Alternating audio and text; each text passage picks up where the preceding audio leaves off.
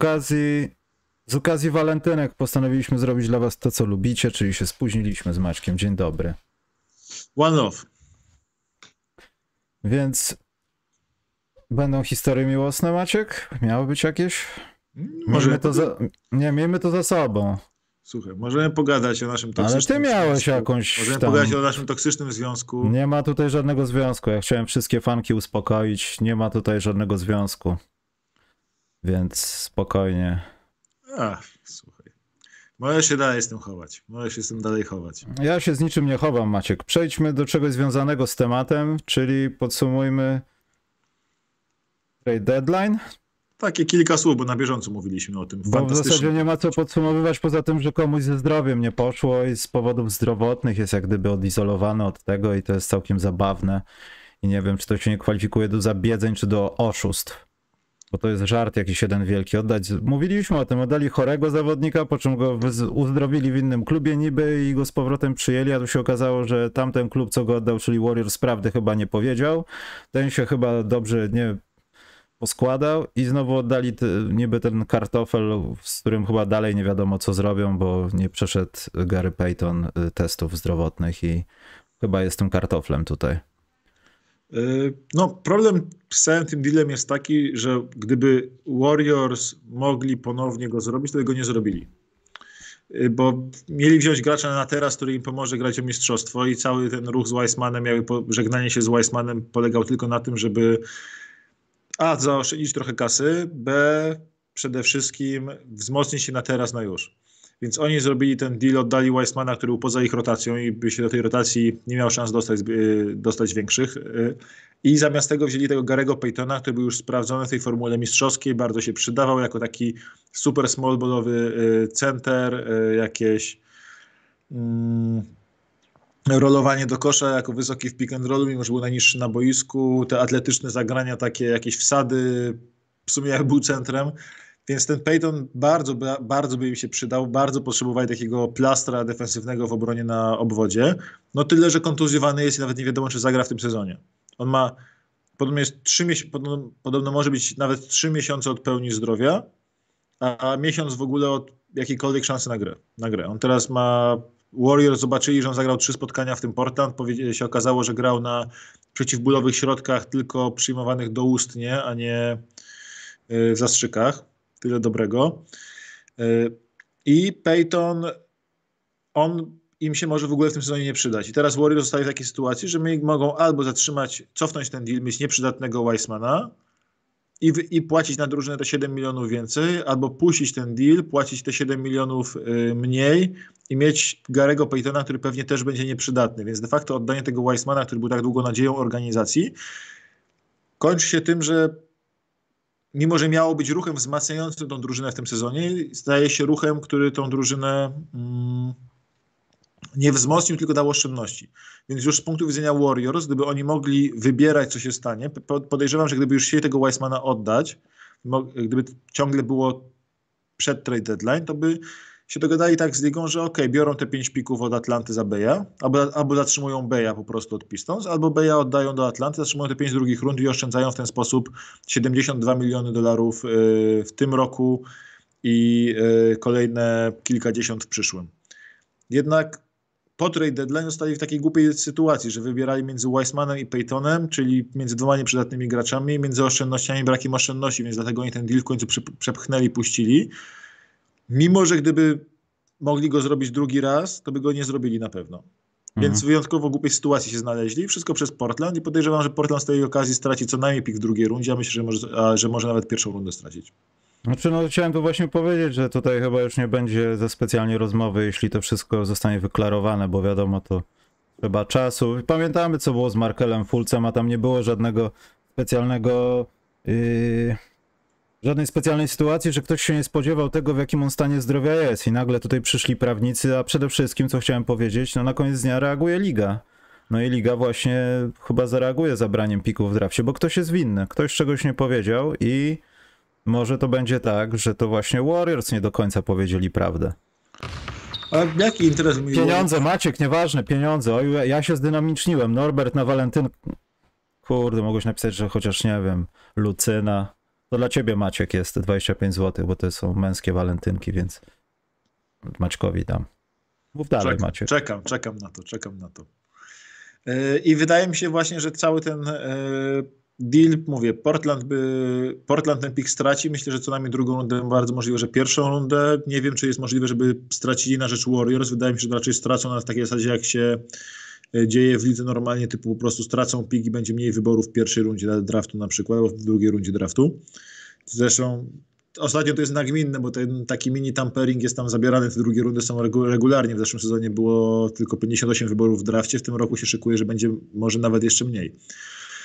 Yy, więc tu jest, yy, tu jest jakby cały problem w tym dealu, no i z punktu widzenia fana Pistons dla mnie miałem nawet trochę nadzieję, że ten deal upadnie, bo o ile Sadika Beya mi w ogóle nie szkoda, bo Sadik Bey no już mi nie do końca zdają sprawę, kim jest Sadik Bey. Sadik Bey jest roleplayerem o skillsecie takiej y, gwiazdy ligi z Alibaby, czyli y, gość ma, ma być w teorii free and D, bo jest bardzo silnym jak turfi, y, dobrze rzucającym za trzy dużym graczem, tyle że on nie broni w ogóle, był jednym z najgorszych obrońców Pistons i jednym z najgorszych obrońców w lidze w tym sezonie i a w ataku tych trójek nie trafia ich regularnie, on trafia, jest bardzo striki w tym takie złapie ogień, to trafi 5 z rzędu albo 5 na 6, a potem rzuci 0,7. W sensie jest bardzo nieregularny przy rzutach za 3, więc się dla kontendera jako gość, który raczej będzie trafiał, nie nadaje po prostu jako taki skrzydłowy.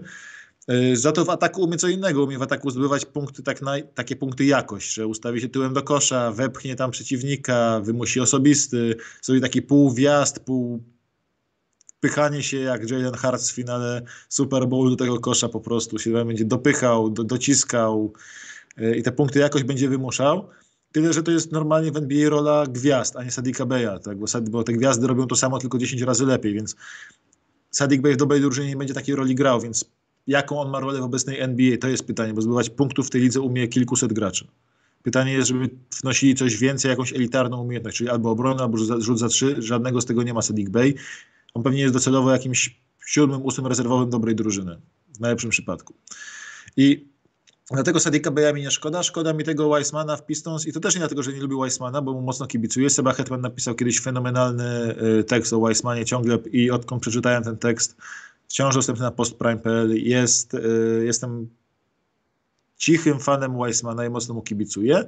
Jednakże Pistons wzięli zawodnika, który się pokrywa z ich być może najbardziej perspektywicznym poza Cade'em graczem, czyli z Jalenem, Jalenem Durenem, który zareagował na przychodzącego Weissmana do klubu, robiąc mecz 30-17 i 4 bloki.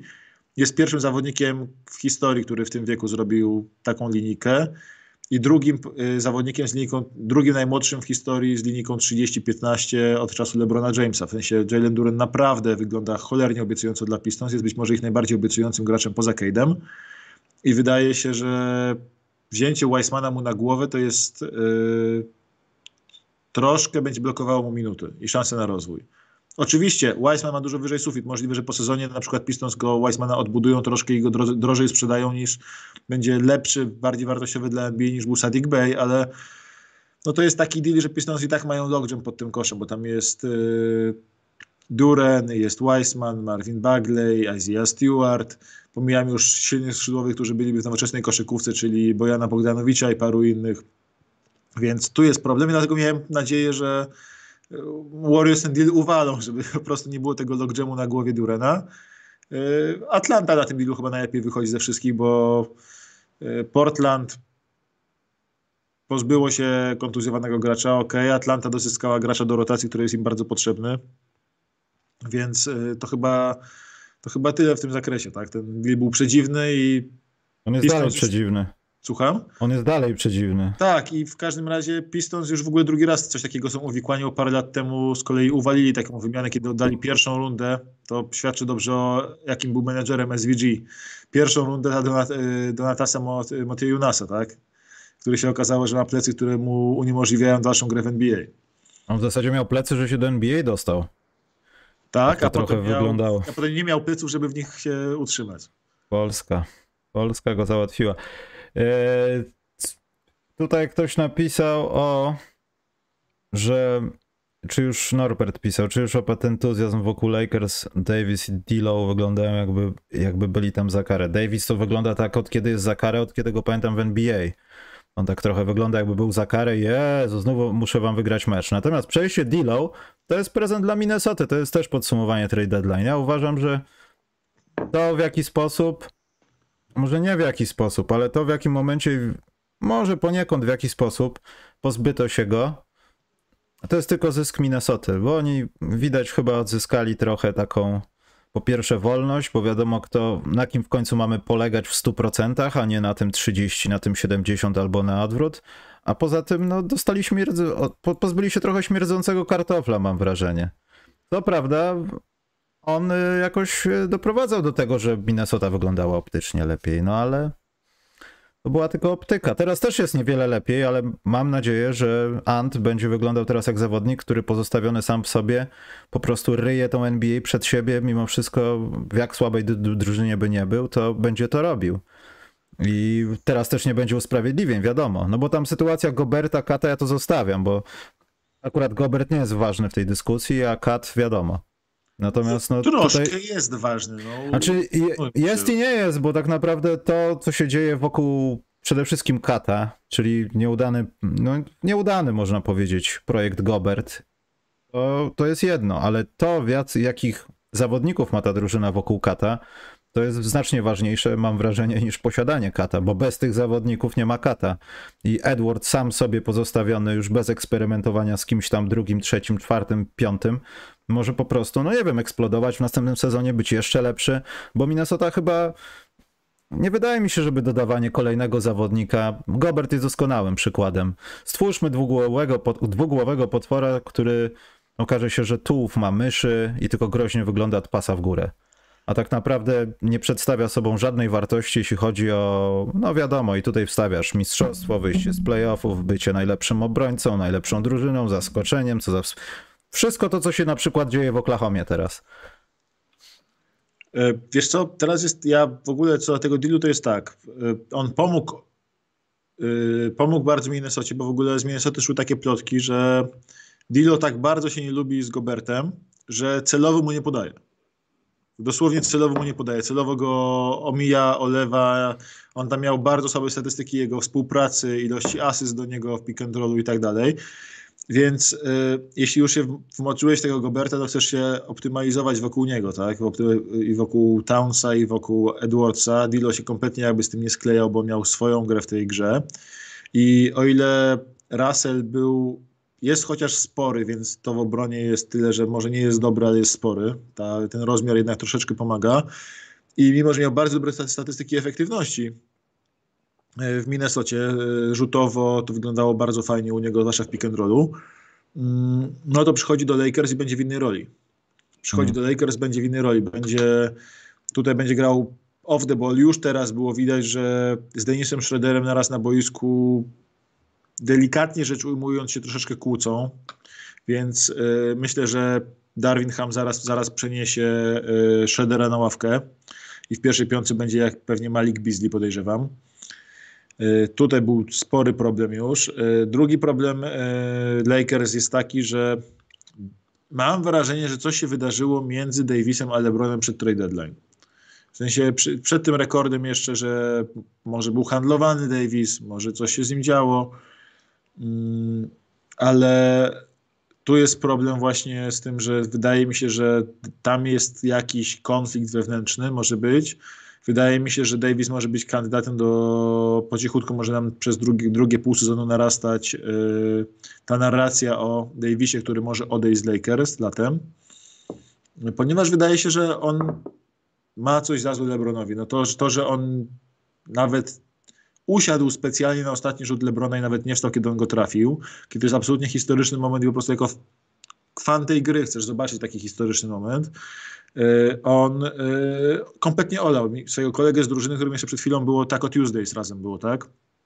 I teraz tak. Davis się z tego wyłączył. I e, teraz w tym meczu znowu, w tym meczu z Portland ostatnim, Davis w obronie był zaangażowany, był dobry ale w ataku był kurczę zaskakująco pasywny. Oddał niby najwięcej rzutów w drużynie, ale powinien tych rzutów oddać jeszcze dużo więcej, a miał przeciwko sobie cholernego Drew Eubanksa i zamiast go zjeść, przerzuć i wypluć, to nie radził sobie z strefą podkoszową rywali, gdzie był Drew Eubanks był właściwie jedynym centrem, tam za niego wchodzili jacyś nominalni silni skrzydłowi. W pierwszej piątce y, Portland wyszło tak naprawdę czterema gardami, y, więc, y, więc kurczę, ten brak agresji Davisa w ataku to jest coś, co powraca. Kiedy Davis był agresywny w ataku, jak y, wypadł LeBron na początku sezonu, grał jak MVP, kiedy wreszcie złapał agresję. A tutaj znowu, jakby przyszedł, przyszedł obok meczu, mam wrażenie, że tam coś się psychicznie zepsuło.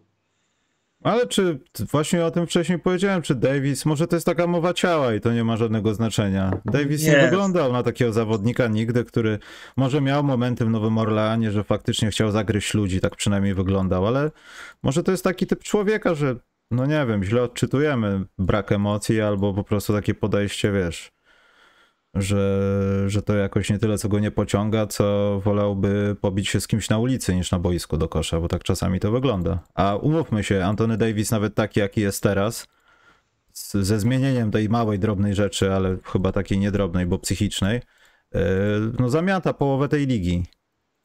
Dajmy mu pół roku z odpowiednim mindsetem i myślę, że minus zdrowie, wiem, zaraz kamienie polecą, ale Jokic y, nie czułby się tak pewnie na boisku, jakby trafił na Davisa takiego z momentu przedtransferowego z Nowego Orleanu. Nie, jakby to jak, jak Jokic się nie czuł tak pewnie na boisku, jak trafił na Davisa, wiesz, na Davisa w bańce jak tam trafił na Davisa i tam był Davis agresywny, przecież Davis rzucił game winnera w najważniejszym meczu z Denver i bardzo skutecznie Jokicia, z Jokiciem walczył. Więc to jest tak, że on jeszcze w Lakers na początku był rewelacyjny, teraz ostatnio miał taki moment rewelacyjny bez LeBrona, ale teraz znowu jest jakoś siedzi na dupie za przeproszeniem.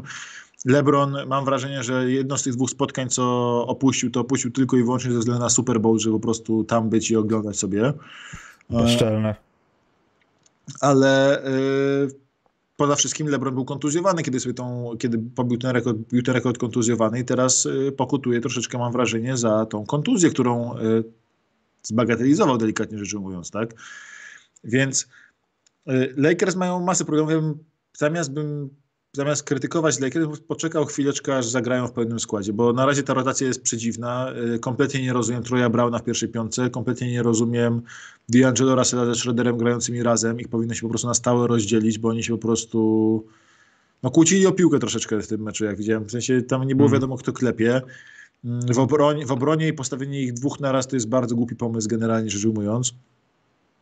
Mm, I kurczę, no mocno dziurawy Portland pod koszem ich po prostu rozjechało. No, nie, nie bójmy się tego powiedzieć, zostali rozjechani, mimo że przegrali deskę dosyć wyraźnie, więc na Lakers bym poczekał troszeczkę. Na Lakers bym poczekał, bo to jest... Ale ile można czekać? Daj spokój, luty mamy, teraz przez tydzień nic się nie będzie działo, nagle wjeżdża no, no. marzec no, i zostają ci dwa tak, miesiące tak, gry. ale moment dla Lakers, de facto półtora miesiąca i moment dla no. Lakers no. to będzie ten, ta godzina prawdy dla Lakers to będzie od All-Star Game do końca sezonu, co oni zrobią i kim naprawdę ta drużyna jest teraz, kim jest, e, co LeBron zrobi ze tym swoim legacy, ponieważ jak spojrzysz w tabelę, to oni są na 13 miejscu na zachodzie. I mają i odpadli od, ostatnio od, od tej kontuzji LeBrona oddalili się od tej stawki. Jeszcze niedawno mieli dwa mecze straty do piątego miejsca na zachodzie, dwie porażki straty do piątego miejsca na zachodzie. No teraz tych mhm. porażek mają już yy, cztery yy, straty. To jest już, ta, ta, ta, strata robi się już poważna. Oni mają trzy porażki, trzy porażki więcej niż 12 Oklahoma, więc tu jest problem, że oni mają naprawdę tych porażek dużo nas, na, nazbierali. Jeśli chcą wejść do playoffów, to już będzie im bardzo ciężko. Bo żeby wejść do playoffów, to muszą zrobić jakieś pewnie 40 6, 45 wygranych. Żeby mieć 45 wygranych, to oni muszą skończyć sezon e, z bilansem 19-5. To jest bardzo możliwe, bardzo mało możliwe. Bo oni mają bardzo trudną, trudny terminarz pod koniec sezonu, więc oni się muszą do play-in jakoś na, jako drużyna na 50%, tylko żeby mieć 50% musisz skończyć e, sezon z bilansem 15-9. To cały czas jest solidny bilans. To jest bilans na zachodzie, który by ci, gdybyś miał na przestrzeni sezonu 15-9, to byś był na jakimś trzecim miejscu na zachodzie. Mhm. Więc. Ale wiesz, nie, tutaj problem jest trochę inny, że Lakers powinni być teraz w takim położeniu, że te spotkania, które przegrywali, będą w jakiś sposób, ja już nawet nie mówię, wygrywać z tymi samymi drużynami, z którymi przegrali, żeby uzyskać honor chociażby, bo już niektóre serie mają pozamykane, chociaż nie wiem, czy z Oklahoma mają, ale wszystko jedno, to teraz oni powinni odzyskiwać tą stratę na graniu z, kolokwialnie mówiąc, ogórami w porównaniu do nich, chociaż teraz w NBA takich niewielu jest a nie zastanawiać się nad tym, że gonić. Bo gonić to myślę, że oni nie mają siły. Oni teraz powinni nadrabiać te porażki w silnym terminarzu gdzieś tam, żeby wygrywać ze słabymi, ale jak ogląda się taki mecz z Oklahoma, no to można i przegrać z Houston w trzy spotkania w sezonie. I to, to jest bardzo niepokojące i myślę, że to już jest przegapiony czas. Takie rzeczy to się w grudniu powinny dziać i ten miesiąc styczeń był no, bardzo ważny. I nie wiem, czy to zauważyłeś, ale wszyscy Lakersi byli jakoś bardzo zdynamicznieni, kiedy zbliżał się rekord LeBrona. Teraz jest oddynamicznienie. Wiesz, samo to, że w trakcie tego rekordu jakby i tak Czekasz na rekord kolegi, a potem możesz przegrywać, bo nie masz motywacji, no... Też przegrali z Oklahoma w tym czasie, więc to jest też jakby... No dobra, to, bo oni byli ten... Yy, zagapili się. To był rekord i oni się zagapili na rekord, a nie tam na mecz, to rozumiem. Żartowałem. W sensie, ale oni wyszli na prowadzenie na początku czwartej kwarty, a potem po prostu całą Nie, no ten mecz był do wygrania, absolutnie. On był wygrany w zasadzie w pewnym Więc momencie już. Y, tam byli już, wydawało się, że mają to do wzięcia i po czym się nagle okazało, że nie, sorry, jednak nie. Hmm. Więc z tych wiadomo, że będziemy po tym tej deadline więcej mówić o Lakers. Y, wydaje się, że Blazers sami w sobie nie dość, że pozbyli się tego Garego Paytona i go wcisnęli po prostu Warriors co małymi zwycięzcami, bo wzięcie e, Matisa Tybula to jednak dla nich akurat to jest duży zysk. Oczywiście on będzie wyglądał dużo gorzej niż w tym pierwszym meczu, bo w tym pierwszym meczu trafił cztery trójki. Hmm. Wątpię poważnie, żeby Matis Tybul trafił cztery trójki w jakimkolwiek meczu do końca sezonu, sezonu. Ja myślę, że do końca kariery może to mu się nie przydarzyć nawet. Tak, a na pewno do końca sezonu mu się to nie przydarzy. Gość ma naprawdę duże problemy rzutowe. Ten, ta forma jest bardzo nierówna. I te jego cztery trójki troszkę mi się kojarzą z czterema trójkami, które Zion rzucił tam chyba w debiucie, w nowym, jak grał przeciwko, po powrocie po kontuzji, jak przyszedł, grał przeciwko Spurs bodajże. Cztery trójki rzucił, a potem w kolejnych dwóch tygodniach nie rzucił ani jednej, tak? I, czy trzech tygodniach. I tak samo tutaj mam wrażenie, że Tybul trafi te cztery truje, brawo, chwała mu za to, ale może być problem dla spacingu ich w ataku. Jednak piątka Simons, Lillard, Tybul, Jeremy Grant i Nurkic albo Eubanks wydaje się być w miarę obiecująca. W sensie i tak cały czas ma, smutne jest to, że nie, nie pozbyli się Portland Nurkicia, ale wydaje się, że y, ta drużyna ma troszkę więcej sensu niż miała przed, przed deadline. Ma troszeczkę więcej sensu, więc takie troszeczkę więcej sensu to jest zawsze y, jakiś plus, tak? Bo o to chodzi, żeby się trochę wzmocnić na tym deadline, albo bardzo wzmocnić jak Phoenix. Albo jak Bulls. E, ja mam jedną ciekawostkę z trade deadline. Nie wiem na ile ona jest prawdziwa. Trzeba było to przegrzebać albo może zajrzeć głębiej do jakichś e, beatwriterowych kwestii. Może z Brooklynu, bo tam została podpisana ta umowa, a może, a może z Phoenix, ale e, jest taka strona Spotrack, która pokazuje nawet lepiej kiedyś niż, niż to. Boże, nie pamiętam adresu, ale była strona do, odnośnie salary cap, taka dosyć amatorska. No i to jest taka bardziej profesjonalna wersja. Oni tutaj opisują nawet y, salary cap y, w tym, w NASCARze. No i tutaj pan Scott Allen y, na temat ciekawostek opublikował all-starowych, kto ma jakie tam dopisane bonusiki. I też szukałem trochę tego a propos bonusu Kevina Duranta. Podobno Kevin Durant w swoim kontrakcie no ma wiadomo bonusy. Nie wiadomo, czy te bonusy zostały przeniesione jak gdyby na Phoenix, czy te bonusy dalej istnieją w Nets, ale plotka głosi, że e, Kevin Durant dostanie prawie dwie bańki więcej. Tam oficjalnie jest pisane 1,115, ale tutaj jest też wspomniane, że to może być do 2 milionów. Za to, że Nets będą w playoff, po prostu zagrają w playoffs. Teraz to już Duranta to jak gdyby nie dotyczy, ale bardzo możliwe, że realizacja tego będzie właśnie. To jest bardzo ciekawa, y, bardzo ciekawe pytanie do Larego Kuna, czy tak to jest. Nets wygrywają przynajmniej 43 spotkania. Teraz mają 33? Coś takiego? Tak, ale wiesz co, wydaje mi się, że tam jest w ogóle problem taki, że on ten bonus ma, ale on ma kontrakt maksymalny, więc wydaje mi się, że to taki bonus. Ale, a, a może to jest właśnie bonus dopisywalny? Jest kilku Nie, zawodników, bonusa, którzy ma... bonusa powyżej maksa nie możesz dostać. Tak samo jak masz trade kickera przy kontrakcie maksymalnym, to tylko jeśli pójdzie gwałtownie salary cap w górę i wtedy masz ten trade kicker ci wejdzie i jeśli cały czas się mieścisz pod maksem y, w kolejnych latach po tym trade kick- A co jeśli kickerze. Max jest założony z tym bonusem? A już raz tak się zdarzyło, że był założony z bonusem i ten bonus był łatwy do zrealizowania, bo ta osoba i tak i tak A byłaby w meczu to gwiazd. jest, jest możliwość, ja nie wiem, czy... Ale słuchaj, to jest najciekawsze i mało tego jest informacja, że ten bonus jak gdyby został już zaliczony w poczet przyszłych wygranych. Y, Kevin Durant zagra przynajmniej 39 spotkań. No, Ile rozegrał w Nets do kontuzji? nie mam pojęcia. 39. No i pięknie. Więc wydaje mi się, że wyjście na te 40 mogło być możliwe, ale niechętne. To taka ciekawostka. Nie wiem na ile to jest prawda i nie wiem właśnie, to jest ciekawe pytanie, czy te bonusy, ja już nie mówię o takich bonusach, ale w jakiejkolwiek umowie, czy przechodzą na nowy klub. Czy to się ciągnie za kontraktem, bo można powiedzieć, że twoja drużyna awansuje do playoffów, ale jak zmienisz trzy w ciągu sezonu, no to która? Jak wszystkie?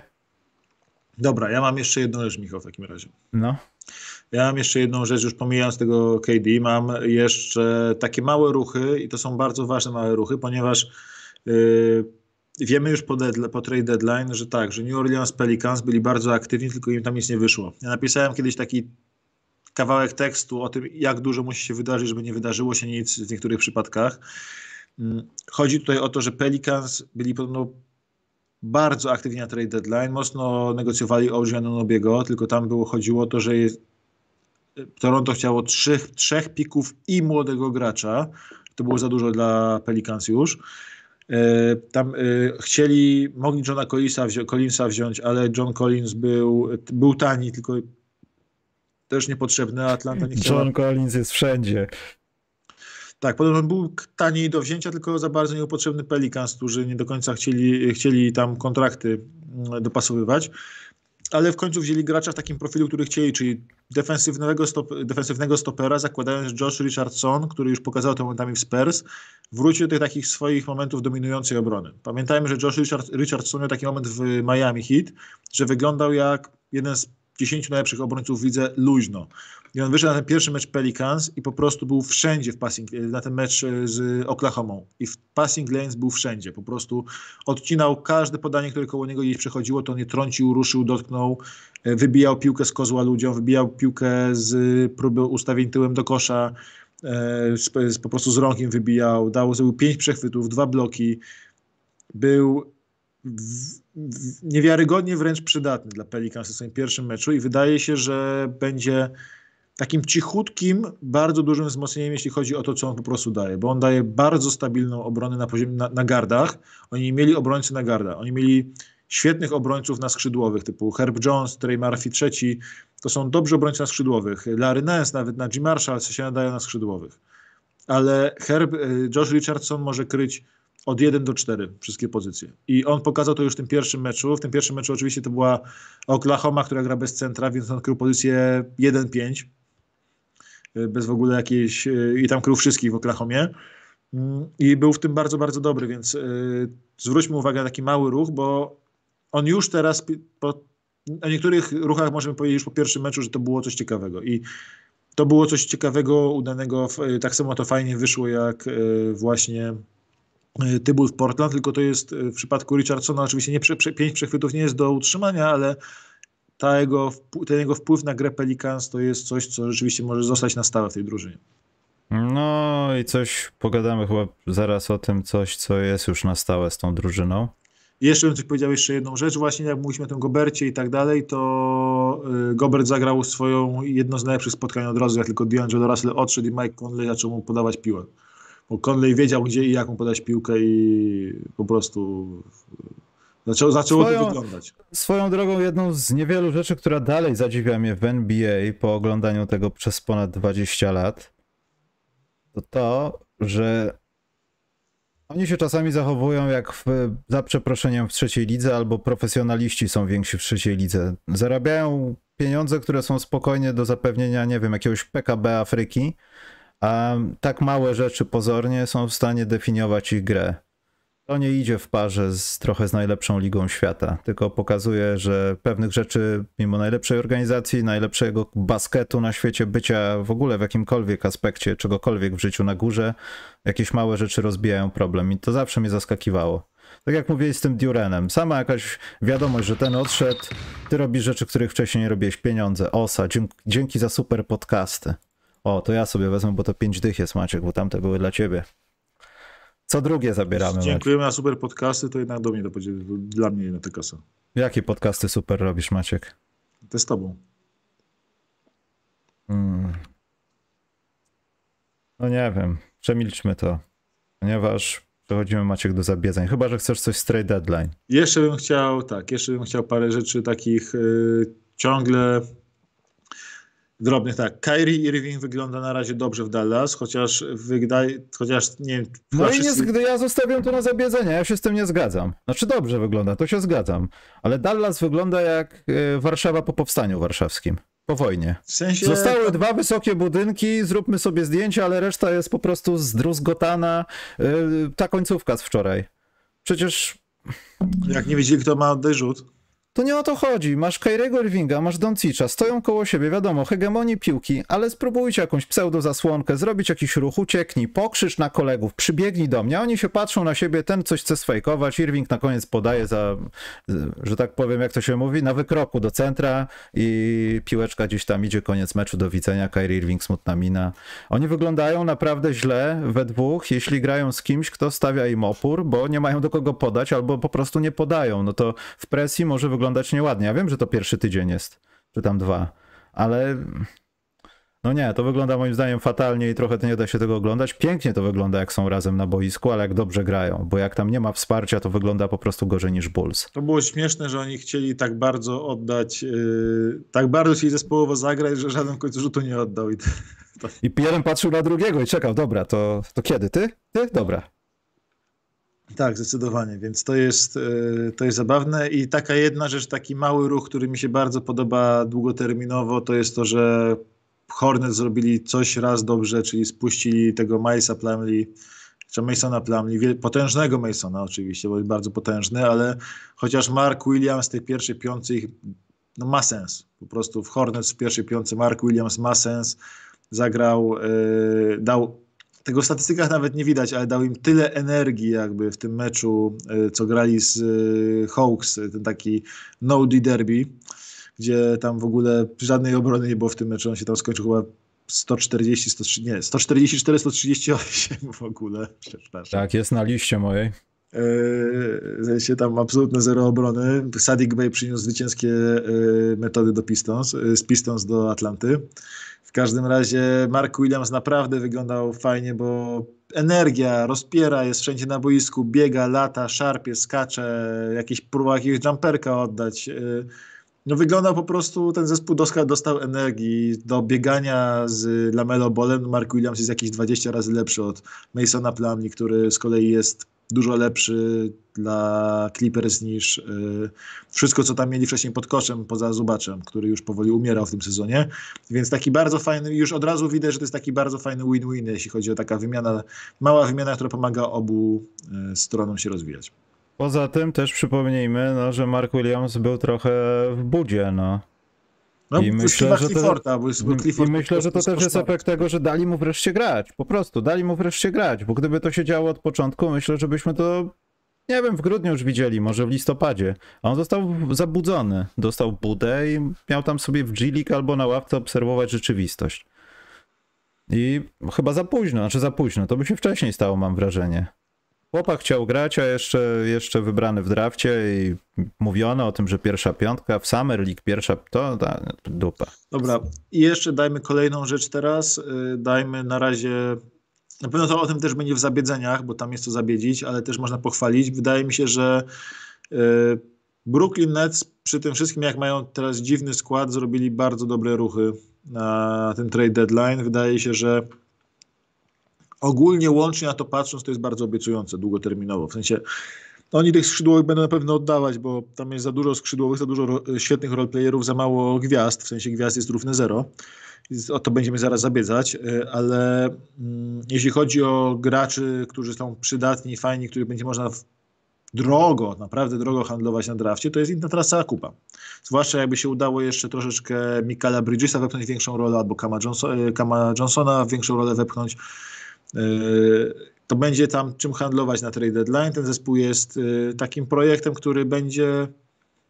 Myślę, że oni będą w play-inach. Pytanie będą, z którego miejsca tam wejdą.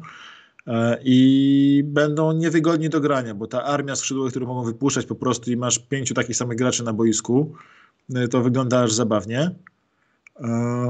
No, chociaż oczywiście znali się dzisiaj w nocy po złej stronie Jalena Brunsona, tak, który po prostu po nich przeszedł.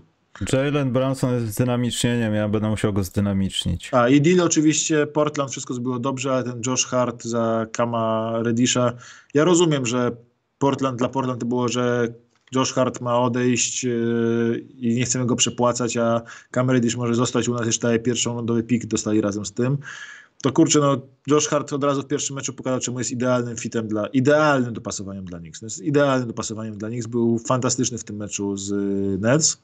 On jest taką kulą armatnią, ja to o tym pisałem już zaraz po drafcie, zaraz po trade deadline, o tym mówiłem i to jest gość, który łapie piłę w ręce i wystrzeliwuje jak kula armatnia do przodu, leci, leci i przyspiesza tą grę Knicks. I już to w pierwszym meczu pokazał. Po prostu latał, fruwał nad parkietem, leciał do przodu do kontry, jak tylko y, jakaś kontra szła, więc ułatwił grę wszystkim dookoła siebie w ten sposób.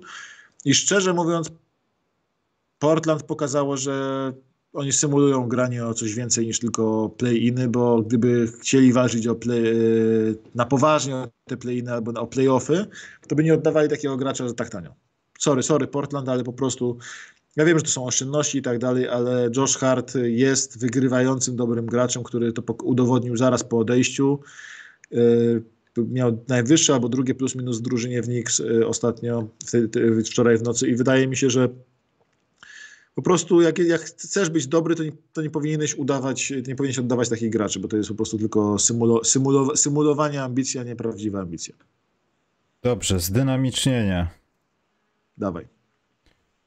Tu jest wiele rzeczy, ale ja paradoksalnie zdynamicznie Dallas Mavericks, bo to jest powrót do Hero Ball, to mi się podoba, mimo że wygląda to fatalnie, spodziewam się na przykład jakichś playoffowych dwóch, trzech spotkanek, gdzie Irving po prostu sobie rzuci dużo, Luka mniej i to będzie w zabiedzeniu, to już było zabiedzenie, że oni nie mają pomocy w zasadzie i dalej tak będzie, ale to jest piękne. To jest jednocześnie piękne i obrzydliwe naraz. Nie wiem jak to połączyć. To jest tak jak, nie wiem, no zlepienie dwóch synaps różnych. Po prostu dzieją się jakieś rzeczy, których nie kontrolujesz i to jest właśnie jedna z nich. Dallas jest piękną i zarazem obrzydliwą drużyną do oglądania ciężko mi to zdefiniować, ale zdecydowanie jest to zdynamicznienie, bo mam wrażenie, że Dallas potrzebowało kogoś, kto może być na statusie, na statucie takiego luki, takiego Sirvinga, jakiegoś Bookera, jakiegoś kogoś, kto pozornie jest bez sensu, bo będzie ich dwóch i jedna piłka, ale to jest piękne. I bardzo dobrze się to ogląda. Ja jestem optymistycznie co Dallas nastawiony. Szkoda, że nie pozyskali kogoś jeszcze jednego na skrzydło, bo oni teraz przebierają po prostu w tym badziewiu, które jest na rynku buyoutów. Oni kogoś podpisali z buyoutu już, czy jeszcze nie? Nie. Nie rozmawiałem o rynku buyoutów, macie. Nie w każdym razie, no Dallas, wiesz, Dallas brakuje defensywnego gracza, kogoś, by dał jakąkolwiek obronę. Russella Westbrooka, o, żeby Bulls go nie podpisali. Raz... Josh Green y, daje trochę obrony, ale on na razie bardziej w ataku się rozwinął. W obronie jeszcze ma ma potencjał, ale to na razie się na potencjale kończy jakby przy jego, e, przy jego obronie. Więc wydaje mi się, że Dallas bardzo, bardzo będzie brakowało jakiegoś obrońcy, ale ten sam projekt Luka Kairi, jak wcześniej nikt nie chciał w lidze grać przeciwko e, samemu Luce w playoffach i to było przerażające, tak teraz Luka Skyrim, no kurczę, myślę, że nie ma ani jednej drużyny w lidze, która by patrzyła na to dobra luz Mamy to.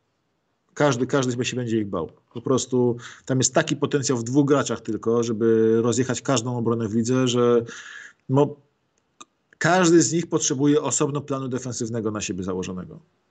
A oni hmm. grają razem, więc to jest. Yy... I przeciętna drużyna we dwóch ich zamyka w połowie boiska.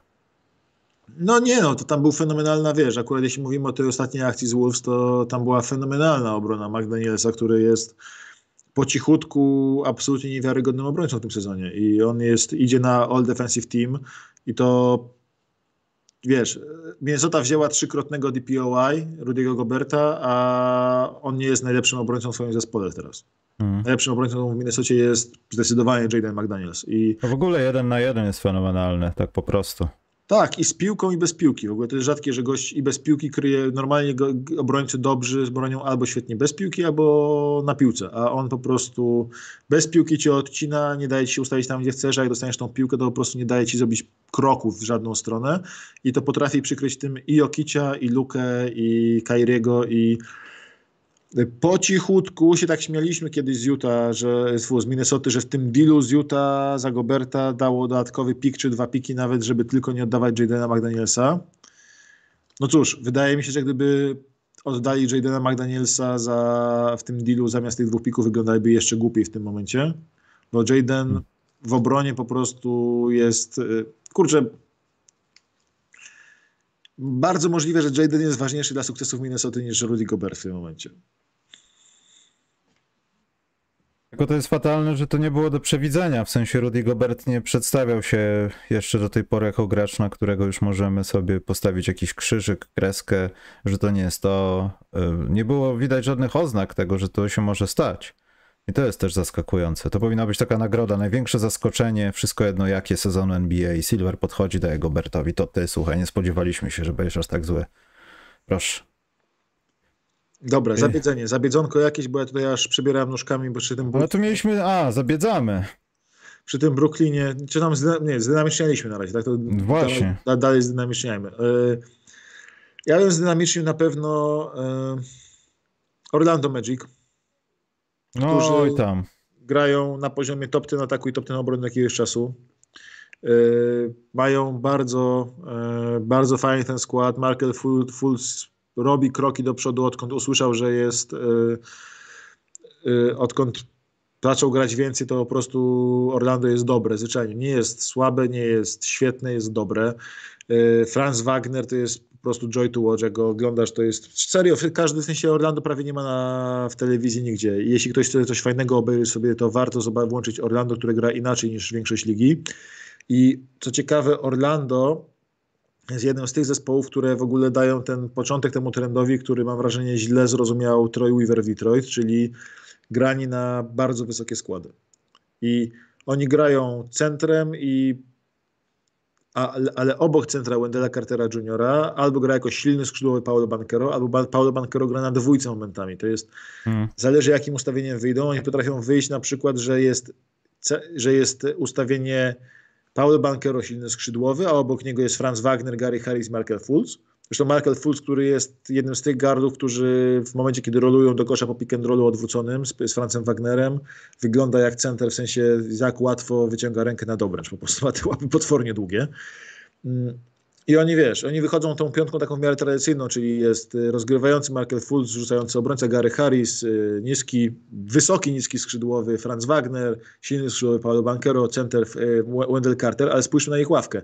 Tam wychodzi Jonathan Isaac, Moritz Wagner, Bol Bol i to jest trzech gości, którzy mają po dwie- 210 lub więcej wzrostu. Mhm. Caleb Houston, który też jest wysoki bardzo i Jalen Sachs, który ma powolutku, bardzo powolutku i bardzo po cichutku. Jalen Sachs ma bar, te zaawansowane statystyki, takie all-in-one, które łączą cały wpływ gracza na e, wyniki drużyny. Ma jedne z lepszych w swojej klasie draftu. Mimo, że punkty i tak dalej ciągle nie zgadzają, skuteczność z gry jest fatalna, to Jalen Sachs w obronie daje im kawał jakości. I naprawdę wszystkim polecam oglądać Orlando Magic, nawet wiesz, zakładając, że my od dwóch tygodni nie robiliśmy tych zdynamicznień, to oni mają ten bilans nie jakiś rewelacyjny w ostatnim czasie, e, bo to jest raptem, ale to jest bilans 4-2 w ostatnich sześciu meczach. Więc to jest drużyna, która powolutku z tego dołu idzie i ja już to mówiłem, ostrzegałem, zapowiadałem ich jakiś czas temu, że oni mogą y, bardzo podenerwować te drużyny, które walczą o play-iny, bo mogą się na przykład wbić tam i y, i powiedzmy pogodzić y, Wizards, Bulls i Pacers i zająć y, miejsce, ich miejsce w play-inach na dziesiątym miejscu. Poza tym też e, ja tak powiedziałem o Jezu, bo cały czas trochę myślę, że może powinni jednak nie bić się o te play-iny, bo już jest za daleko, żeby zająć jakieś przyzwoite miejsce w drafcie. play-inach mogą być. a za blisko do play-inu, więc się nie opłaca, ale właśnie to, co powiedziałeś, że to może już jest ten moment, że wystarczy paść, paść tą młodzież jeszcze młodzieżą, osiągnijmy jakiś taki pułap, żeby mieć punkt zero, z którego wyjdziemy za sezon. I chyba Orlando nie jest potrzebny kolejny pik w drafcie, tylko jeden zdrowy sezon wszystkich ludzi, zobaczenie tego, co możemy dostać, kogo możemy kupić, kto się jak rozwija. Bo to już chyba o draft nie chodzi. Wiadomo, miło by, byłoby, jakby się przytrafił jakiś jakiś yy, Scott Henderson albo inny Amen Thompson, no ale Orlando raczej w to nie wierzy i bardzo dobrze. To akurat z ich składem to jest logiczne. A to, co powiedziałeś, są nawet takie momenty z Fulcem, że Fulc po prostu nie bierze żadnego udziału przy przeprowadzeniu piłki. On po prostu stoi, robi spacing, a oni sobie grają we trzech, on on czeka na podanie na jakąś wolną trójkę, wybiegnięcie i tak dalej. Oni czasami nie potrzebują tego wysokiego, niskiego Ta zawodnika. gra, która w ogóle jest wyjątkowo wyjątkowo potencjalnie niebezpieczna, która mnie fascynuje, to jest ten odwrócony pick and roll, czyli że stawia zasłonę Fultz i on Mhm. zasłonę nauczył się nawet dosyć dobrze stawiać. Pamiętajmy, że on jak przyszedł do ligi i nie był w stanie rzucać, bo sobie zepsuł ten bark latem, to e, był najpierw wykorzystywany, był uczony w Filadelfii stawiania zasłon przede wszystkim. Bardzo barkiem. mocno. Tym barkiem zepsutym. Ale teraz naprawdę stawia te zasłony e, solidnie i e, on naprawdę fajnie wygląda jako roller w tym pick and rollu. Jak, jak gra pick and rolla z nim Franz Wagner albo Paweł Bankero tu powoli raczkuje, to takie odwrócenie pick and rolla jest cholernie trudne do obrony. Jest po prostu cholernie trudne do obrony przy tak dobrych ballhandlerach wysokich i tak dobrze rolującym e, niskim zawodniku, który jeszcze często jest to odwrócenie pick and rolla, jest podwojenie na Bankero, bo jak go nie podwoisz takim pick and rollu, to on po prostu wjeżdża do kosza z całą obroną. W tym momencie jest on podaje z tego pick and rolla do Fulca w sytuacji i w sytuacji 4 na 3 masz rozgrywającego normalnie centra, a tutaj rozgrywa tą sytuację 4 na 3 Markel Fulc, który genialnie widzi boisko. Widzi, świetnie widzi kąty, ścięcia, kto gdzie jest ustawiony, więc i to jest automatyczny win dla ataku. I, Dlatego ich widzi, bo są wysocy. I łatwo ich zobaczyć, bo są wszyscy wyżsi od swoich rywali o głowę, także... I łatwiej podać, no do bolbola co? Trudno podać, rzucasz gdziekolwiek piłkę. Po prostu, tam w kierunku tylko, na azymut, łapiesz. W każdym razie lubię, e, w każdym razie naprawdę lubię patrzeć e, na to, jak e, na to, jak wygląda właśnie Orlando w tych takich akcjach i jak tam dużo potencjału jest. I to jest, oni są tak dobrzy, jeśli chodzi o tą młodzież, że tego nie zatrzymasz, nie zmusisz ich, żeby prze- przegrywali. Możesz posa- musisz posadzić pół ich składu na ławce z fikcyjnymi kontuzjami, żeby tam dalej przegrywać, a to nie jest tego warte, bo pamiętajmy, że poza tymi czterema drużynami, które są poza w ogóle konkurencją, jeśli chodzi o tanking, ranking. Houston 13 wygranych, Spurs 14, Pistons 15, Hornets 16. I to jest taki głęboki dół ligi. To kolejna drużyna nad nimi to jest Orlando Magic, który ma 24 wygrane. I teraz jest tak, że ten y, Tankaton, tak, czyli jak sobie wpiszesz, y, jest taka stronka, która śledzi szanse w loterii, to wygląda przezabawnie, bo to jest tak, że masz Houston, San Antonio, Detroit, Charlotte, na piątym jest Orlando 24 wygrane, na szóstym Indiana 25 wygranych, potem masz Lakers, którzy będą chcieli wyjść w górę bardzo mocno desperacko, bo ich pik idzie tak do Pelicans. Potem masz, słuchaj, Chicago, Washington, Toronto, Oklahoma, Portland, Utah, więc to naprawdę nie wymaga zbyt dużo wysiłku od takiej Oklahomy, żeby przegrać trzy spotkania więcej od Orlando przez resztę, prze, przez resztę sezonu i nagle spaść e, z 11 miejsca od końca na miejsce piąte od końca, czyli de facto być w samym szczycie loterii. No tak, a mało tego, jeszcze wejdzie jakiś chory tiebreaker y, z sześciu naraz drużyn i nagle ty wypadasz z tej loterii, Tak, albo wie- jeszcze bardziej w niej jesteś. Więc dopóki któraś z tych drużyn y, na dole tabeli, a tam jest tyle talentu jakby między Orlando, zwłaszcza Ok- Oklahomą i Toronto, że trudno bardzo będzie za- zanurkować im w dół. E, Jeśli któraś z tych, z tych drużyn y, w, w środku tabeli, powiedzmy tylko tym takim dolnym środku, że tak powiem, e, jeśli ona, któraś z nich nie zdecyduje się celowo przegrywać bezczelnie i inne tego nie zobaczą, to możliwe, bardzo możliwe jest tak, że skończymy z tym, że będzie powiedzmy cztery drużyny poniżej 20 wygranych w tym sezonie będą, a kolejne drużyny, które będą nad nimi, będą miały powyżej 30.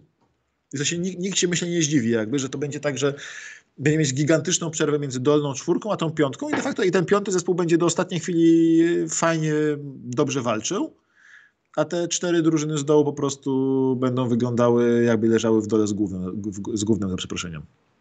Maciek, bo jesteśmy blisko godziny programu, a nie zeszliśmy do zabiedzeń, to ja mam dwa takie najważniejsze dla mnie zdynamicznienia, bo mam wrażenie, że mógłbym chyba dłużej albo więcej, ale dwa takie najważniejsze mam. Dawaj. Wiadomo, Cleveland Cavaliers, im się coś porobiło w głowach w lutym i oni przegrali meczu 6-0. Mało tego, ta seria ile? 5 w 6 czy 5 w 7? Tak. E, nocy. To jest, to jest chore. E, niszczą przeciwników już nawet nie samo, samą swoją grą, tylko w defensywie ich potrafią zgnieść. I to jest, to jest rzecz, która jest warta odnotowania i mam nadzieję, że nie będzie na chwilę. I Cavs też między innymi będą korzystać z tego, że na Brooklynie się dzieją rzeczy. Już Brooklyn nie będzie tak Już zapykał gór. łyknęli w tabeli, to tak... Ja nie tak mówię o tym nawet, że łyknęli, tylko że już nie będzie zapychał tych stref, gdzie inne drużyny mogą się przenosić i Cleveland no tą serią, no mam nadzieję, że dogonią tą serią e, sezon regularny i zatrzymają się w jakiejś trójce wschodu albo pójdą nawet wyżej. Ciekawa rzecz jest między Cavs a Bucks, że Cavs mają tylko poraż, tylko zwycięstwo jedno mniej od Milwaukee Bucks, ale aż pięć porażek więcej. I Mhm. to jest ciekawe, jak w ogóle będzie ta pogoń za Boston Celtics. Bo wydawało się, że Boston Celtics odjeżdża reszcie wschodu w pewnym momencie, że oni mają ten moment, żeby pokazać, że oni są tym jednym niezaprzeczalnym liderem konferencji, tak jak jest y, Denver na zachodzie. A tutaj ta ko- konkurencja się ich trzyma. W ostatnich 10 spotkaniach Milwaukee zaliczyło 10 wygranych. Hmm. Y, W a- ostatnich czterech jest jeszcze lepiej, bo jest 4-0, ale ta obrona, czekaj, miałem gdzieś zapisane 98,9 czy 98,5 na 100 posiadań. Za 6-0 jest 100 na 100 chyba posiadań. To jeszcze bardziej dociskają śrubę, ale no umówmy się, 13-15 punktów deficytu z Bulls i przeorałeś ich. Słuchaj, Ja no, wiem, że znowu Bulls, no ale Wiesz, yy, Bucks mają w ostatnich 10 spotkaniach świetną obronę, tylko sto, to, w 10 spotkaniach to jest 106,8 na 100 posiadań straconych punktów, to jest trzecia obrona w lidze, ale cały czas lepsi od nich są Cavs, którzy tą obronę mają po prostu fantastyczną. I mm, Cavs w ogóle no, są tak są strasznie groźni, ponieważ oni jak zaczną grać całym składem razem i ten skład będzie e, nadążał nad tym, nad, za ich indywidualnymi talentami, w sensie te wyniki, ich jakość gry, no to oni są groźni dla każdego, bo ta czwórka jest idealnie dopasowana do siebie, tam brakuje tylko skrzydłowego, a ostatnio jest trochę życia. Okoro gra ostatnio dobrze, y, gra dobrze ostatnio, w sensie Okoro gra dobrze, tam Osman, Osman ma swoje minuty fajne, ten y, Dean Wade też wygląda fajnie, więc tam jest dużo, dużo ciekawego, jakby Cavs brakuje chyba jednego gracza, ale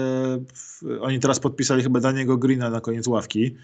mm, Y, On tam nie, według mnie nic nie zmieni poza atmosferą w szatni co najwyżej, ale może, może się przyda, wiesz, to jest tak, że Cavs są groźni. Myślę, że Cavs to, że podpisali tego Daniego Greena pokazuje, że oni liczą na to, że mogą mieć szansę już w tym roku.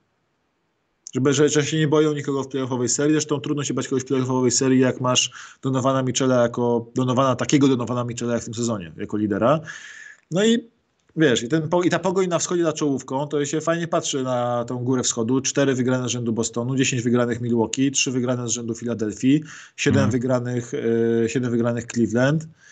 Mm, No, nie, wiesz, wszystkie drużyny naprawdę, naprawdę ruszyły z buta, te, które miały ruszyć. No i ta pierwsza czwórka wschodu wydaje się, żeby nie tylko odjeżdżała reszcie konferencji. No tak, ale wiesz, mówiąc o Bostonie, to wiadomo, wielokrotnie powtarzaliśmy, ale o Milwaukee pojawienie się Crowdera to jest hegemonia. Zdrowy Antek, zdrowy Middleton to jest hegemonia na wschodzie. Middleton tak, jest po, po cichutku bardzo dobry po powrocie swoim. I nie wydaje mi się, że nawet jeśli Milwaukee Bucks, nie wiem, będą na drugim, trzecim miejscu, to zmienia to spojrzenie konkurencji. Ja wiem, przewagi własnego parkietu, co i tak nie, od niedawna się okazuje, że to jest nic nie warte, albo mniej warte niż wcześniej, to, to są hegemonii. Mam takie wrażenie, że oni po prostu tam są, bo chcą tam trochę być, nie zależy im na tym i te wszystkie ich spotkania są takie trochę brutalniejsze niż Bostonu ostatnio że to już nie jest tak, że gramy sobie z wami mecz, tylko zagraliśmy z wami dwie kwarty i teraz i teraz po prostu poczytamy gazetę. To jest już takie bulsoidalne z lat 90. powoli. To mi się podoba. No i, no i Milwaukee chyba, chyba jednak wygrywa w kandydaturze na przykład na finał na, na wschodzie teraz. Wcześniej był Boston przez dwa miesiące, ale teraz no hegemon, no po prostu hegemon to może być. Już jest. E, niestety, ale to wyłączcie odbiorniki, bo to nieprawda jest, że chwalę tego zawodnika. Jalen Branson po po tym, jak dowiedział się, że będzie sobie grał z najlepszymi w kosza, on po prostu zwariował. Ma z 30 punktów. Te wszystkie statystyki nie bulwersują tak bardzo, jak te 6 asyst i jedna strata, gdzie tak naprawdę ty non-stop jesz piłkę, non-stop jesteś w mismatchupie, bo wyglądasz jak Benny Kuleczka, który, który rzuca nad jakimiś drzewami, a mimo wszystko brakuje tego ułamka sekundy, żeby cię zablokowali, ta piłka wpada czysto do kosza. E, to jest bardzo ważna statystyka. Te punkty oczywiście, trójki oczywiście, skuteczność oczywiście, ale w tym położeniu, że on ma tylko jedną, tam niewiele ponad jedną stratę na 7 asyst, to jest chyba najważniejsze w tym wszystkim.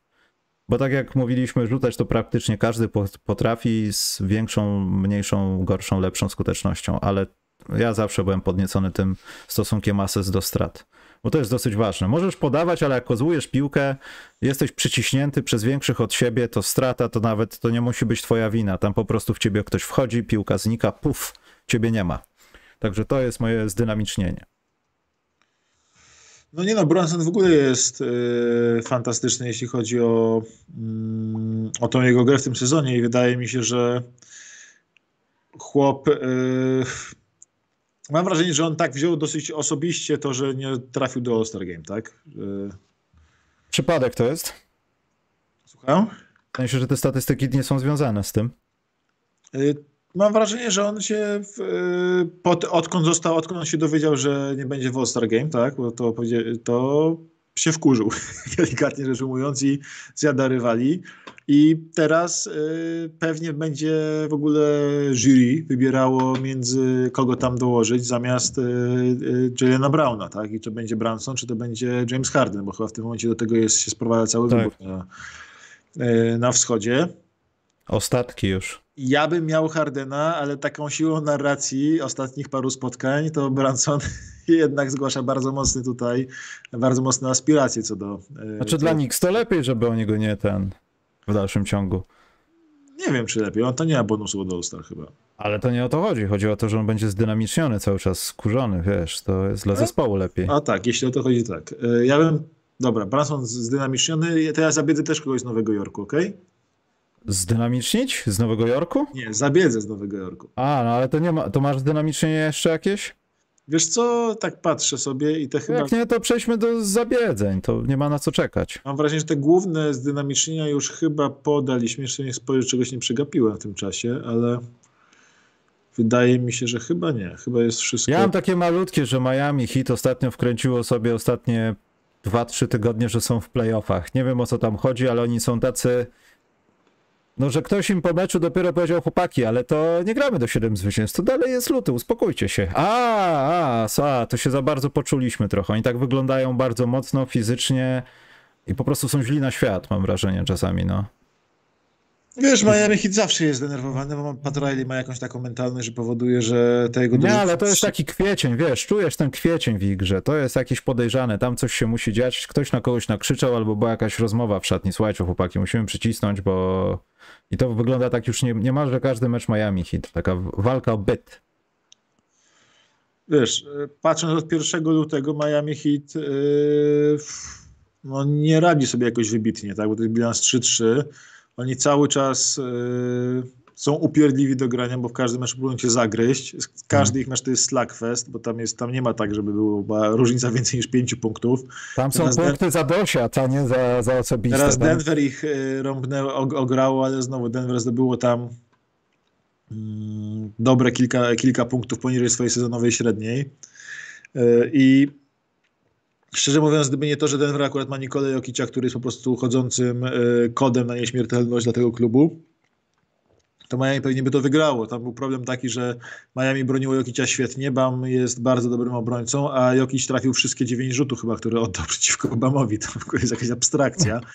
Z czego nie wiem, czy widziałeś tego Dagera w crunch time, kiedy po prostu w kozło zagrał tyłem do kosza, zaczynając ze środka linii osobistych. To jest tak rzadka akcja i tak naprawdę, którą wykonuje chyba tylko Jokic w lidze, żeby grać postapy nie z któregoś, z której strony poda 3 sekund, żeby tam się upychać jakby z boku, mieć kąt na natarcie na kosz, mieć drugi kąt na spin do końcowej, żeby odgradzać się obrońcą chociaż od podwojenia jakby, tak?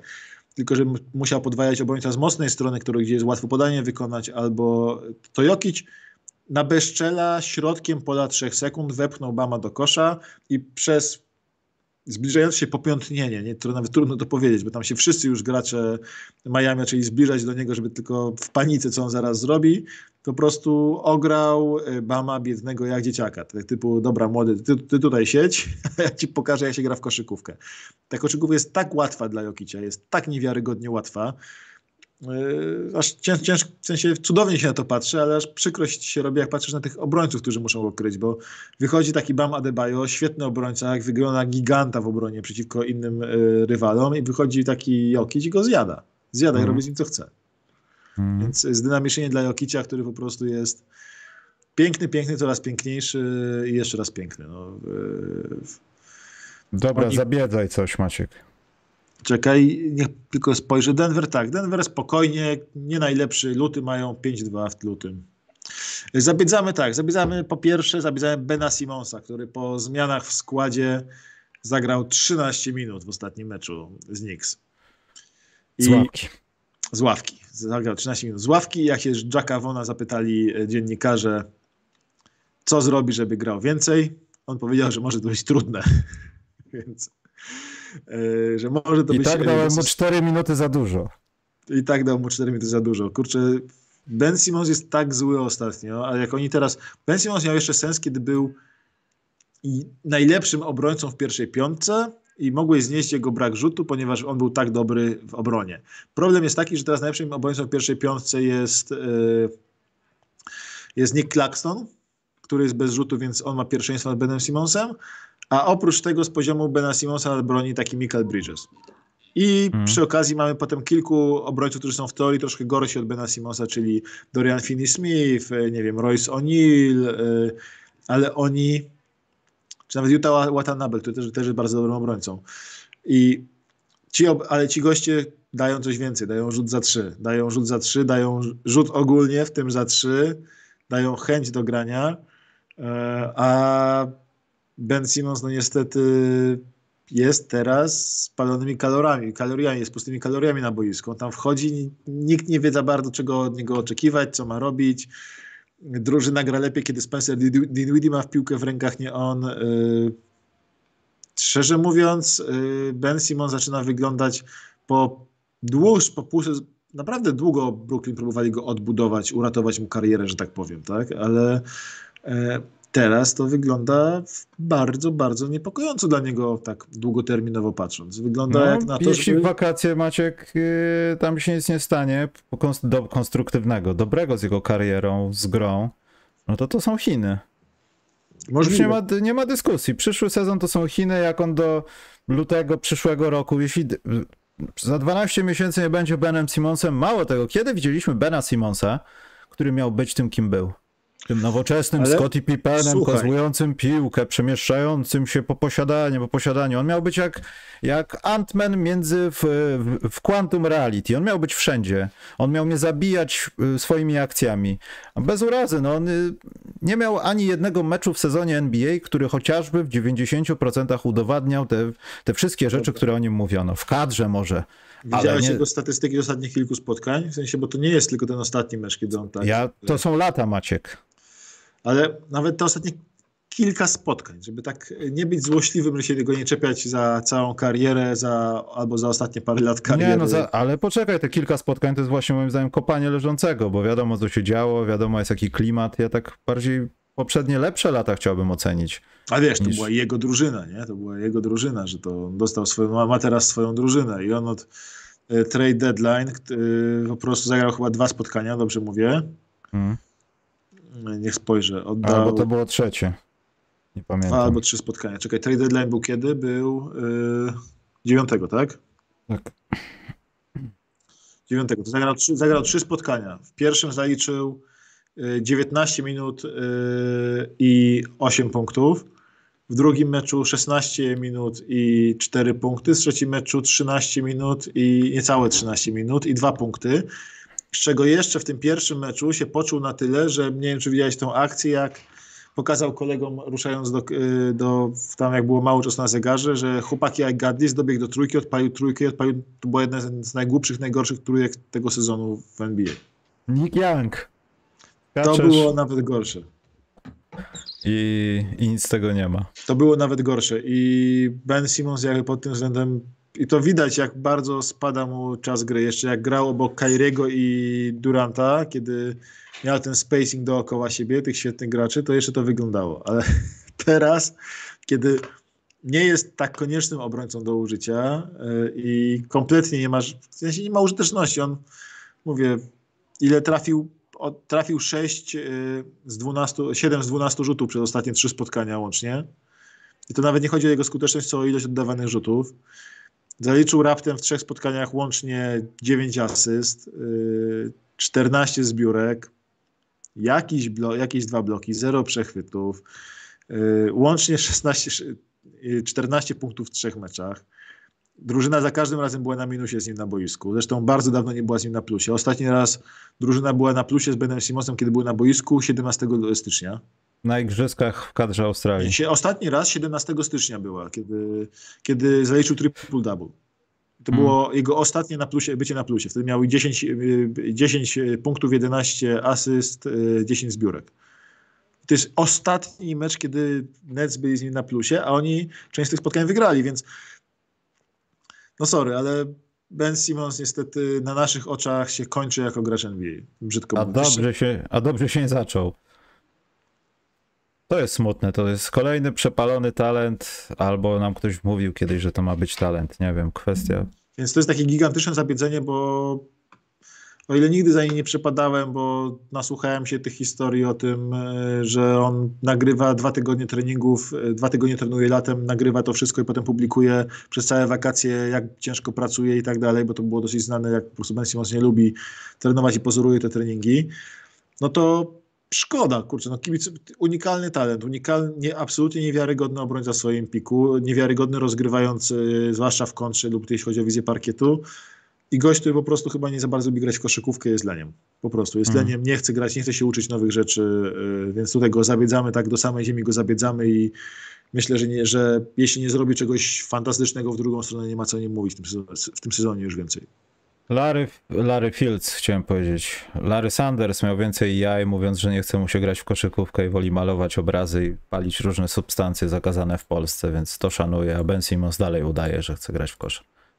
Ale ja liczę na to, że zobaczymy, chciałbym zobaczyć taki powakacyjny materiał Julius Randle, łańcuchy na szyi, przypakowany. Nie umiem rzucać za trzy punkty, ale przepchnę nawet tira. Chciałbym to zobaczyć, bo to będzie oznaczało, że jest jeszcze nadzieja w y, niespełnionych prospektach. Moje zabiedzenie wędruje znowu do zdrowia. Zion Williamson nie zagra jakiś czas po meczu Miesiąc co gwiazd. co najmniej Ale miesiąc. zaraz, zaraz, zaraz, bo ludzie patrzą na to, co mówi Wojnarowski i w ostatnim wywiadzie powiedział, że jest open-ended. Co może znaczyć, że jest blisko końca, a może znaczyć, że sytuacja jest na tyle rozwojowa, że to jest e, season reminder. I do końca sezonu możemy też Zajona nie zobaczyć, bo to, bo to wiemy, co z Zajonem jest. I to jest moje W sensie kolejne zabiedzenie. Zawsze goi dłużej niż jest spodziewany, tak? Ale teraz sytuacja jest taka, że przesadzono trochę podobno z jego rozruchem i troszkę to jest przez to przyspieszenie. Tylko ja też nie rozumiem czego przyspieszenie, bo była kontuzja, potem następna i wobec gojenia się, No, której od- to jest że przyspieszenie, odnowiła wiesz. mu się ta kontuzja w trakcie procesu rehabilitacji. No. No, także to nie jest dobrze, to mi się nie podoba. E, Nowy Orlan potrzebuje Zajona, bo inaczej bo inaczej nie będzie nowego Orle... przepraszam, nie będzie nowego Orleanu. Ja obawiam się, że bez Zajona ta drużyna może się wcześniej czy później rozpaść. Ja nie mówię już w tym sezonie, no wiadomo, bez szans. Ale ktoś będzie musiał w końcu podjąć decyzję, bo te sytuacje będą się działy w takim razie. Do końca kariery Zajona, czy nam się to podoba, czy nie. Ja myślałem, że szczerze mówiąc minie tak ten okres, że będą dbać o jego minuty, będzie wszystko w porządku, nie będzie głupot żadnych, będzie chociaż przynajmniej, nie wiem, 10 miesięcy bez słyszenia o tym, że Zion ma mniejszy lub większy uraz. A tymczasem, no, niestety, kibice Nowego. Orlanu muszą uzbroić się w cierpliwość. Zabiedzonko jeszcze takie hurtowe dla e, No. drużyn tankujących, ponieważ e, zaczyna robić bezczelnie. Pistons się nie udało przegrać wszystkich spotkań ostatnio, ale e, Charlotte, Houston, Pacers chyba dołączają powolutku do tego, nie mam pojęcia, ale zaczyna to wyglądać nieciekawie dla Pacers. Mhm. I przede wszystkim Spurs to są drużyny, które znaczy, zaczynają odstawać, zwłaszcza Charlotte, Houston i San Antonio, bo Pacers mają trochę więcej talentu. No i Pistons jeszcze, którzy tam są jeszcze, jeszcze wygrali dwa z sześciu spotkań, ale to zaraz się skończy. E, San Antonio, oni nawet nie muszą już za bardzo tankować. W sensie oni mają tak zły ten skład z kontuzjowanym Waselem, że trudno sobie wyobrazić sytuacje, w których wygrywają bez jakiegoś gigantycznego w, w, w ataku i dla, naraz z tym, że na przykład, nie wiem, Jeremy Sochan trafia 5 trójek albo 6 trójek i rzuca 30 punktów y, i naraz jeszcze problemów gigantycznych w ataku rywala, żeby, bo San Antonio jest taką pierwszą drużyną, o której myślę, jak myślę, że gdy rzucili 130 punktów i przegrali 20 punktami, to to jest właśnie San Antonio. Typu, jeśli mają przegrać jeśli ktoś ma w tym sezonie przegrać mecz 150 do 130, to będą to San Antonio właśnie. Nie są w stanie zatrzymać przeciwnika w dwóch kolejnych posiadaniach po prostu. Yy, są w obronie koszmarni, ale też nie mają personelu do tego, żeby zatrzymywać przeciwnika. No właśnie chciałem to powiedzieć, że to też nie jest e, sztuka tankowania, tylko po prostu wypuszczenia tego, co mamy i tak więcej nie zrobimy. To jest Tak. całkiem sprytne. Y, To jest, wiesz, pozytywne w tym wszystkim jest to, że Sochan będzie miał teraz bardzo dużo minut i bardzo dużo szans do, na rzutowych. To już widać teraz, że było widać w tych ostatnich dwóch, mecz, tych dwóch meczach po powrocie, że Spurs dają mu jasno zielone światło i mówią, dobra, Mm. Y, Jeremi byłeś y, przez na początku sezonu trochę tłamszony, dopasowany do systemu, uczony zasad, teraz się nauczyłeś, więc y, teraz gotuj, gotuj, zobaczymy co ugotujesz. Jak to będzie niestrawne, to trudno, nikt się nie zmartwi. 50 punktów, czekamy. Tak jest, mocne tejki Michała. Ej, było 18 w połowie, ja już, ja już wstałem i już ubrałem się w garnitur, ale niestety nie udało się. Więc y, ja bym po prostu patrzył na mm, patrzył, y, patrzył na San Antonio typu każde ich zwycięstwo do końca sezonu mnie zdziwi. W sensie nie ma meczu, który by mnie, nie- ich, powiedzmy poza tymi drużynami z, z dołu czwórki, chociaż jakby wygrali z Hornets, to i tak bym się zdziwił. San Antonio. W sensie to jest ten poziom już jakby, oni mam wrażenie, jeśli chodzi o ilość talentów w składzie, odstają na tle tych drużyn bez talentu z dołu tabeli. Typu Houston Rockets na papierze jest 10 razy mocniejsze. Charlotte jest 10 razy mocniejsze. Pistons są nawet dwa razy mocniejsi. W sensie na papierze ta drużyna po prostu wygląda ciężko. No i zabiedzenie z punktu widzenia polskiego fana jest takie, że my to musimy oglądać. My to chcemy oglądać i cierpieć razem z nimi, jak patrzeć, jak oni cierpią.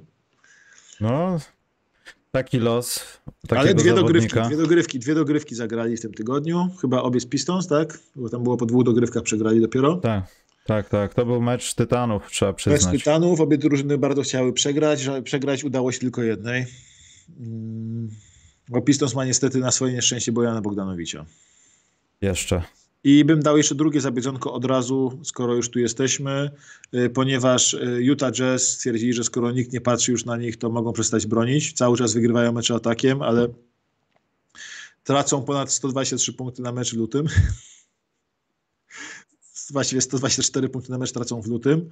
I jest taka mocna, mocna czołówka tych y, tracących y, punkty. Y, to są Wizards 123, Portland Trail Blazers 123,2, Utah Jazz 120 123,8 i Houston Rockets 124,4. I to się nikogo w sumie nie powinno dziwić Houston, ale to, że Jazz, którzy mieli momentami fajną obronę w tym sezonie i grają na Właściwie na cztery wieże momentami. Oni grają momentami na czterech wysokich. Wychodzą, bo grają Walker, Kessler, Kelly, Olinik, Lauri, Markkanen i jeszcze Fontecchio na, czwórce, na, na, na dwójce. Mhm. E, to oni tracą, tracący 124 punkty wygląda dość zabawnie, bo to jest takie, dobra, nikt już nie patrzy, no to teraz chłopaki wciskamy, wciskamy po prostu przycisk z napisem cyrk i robimy cirkus. No ale wiesz, niby tak, ale patrząc na ich plus minus z tych ostatnich dwóch tygodni, to Utah Jazz są na, po, na poziomie troszkę lepszym, o jedną, jeden punkt 80, e, albo wręcz o jeden punkt od Charlotte Hornets, tylko lepsi od Detroit Pistons. To, to już jest, to, to już jest, znaczy, że już zbliżasz się do tanking, tanking zone. Ale masz ten sam bilans, co Brooklyn Nets i masz w zasadzie niewiele lepszy plus minus, bo oni mają minus 3,3, a wy mieliście minus 6,5. To jest jedna trójka w meczu. Tak, powiem Ci jeszcze tylko jedną rzecz tak na koniec, że masz tylko jedną drużynę w tym sezonie, która traci powyżej 118 punktów na mecz na 100 posiadań, powyżej 118 punktów na 100 posiadań. Charlotte Hornets. Nie. Y, 20, na 29 miejscu w lidze są Detroit Pistons 117,9 punktów straconego na mecz, na, No. na 100 posiadań. Na 30 miejscu są San Antonio Spurs 120 punktów na 100 posiadań tracących.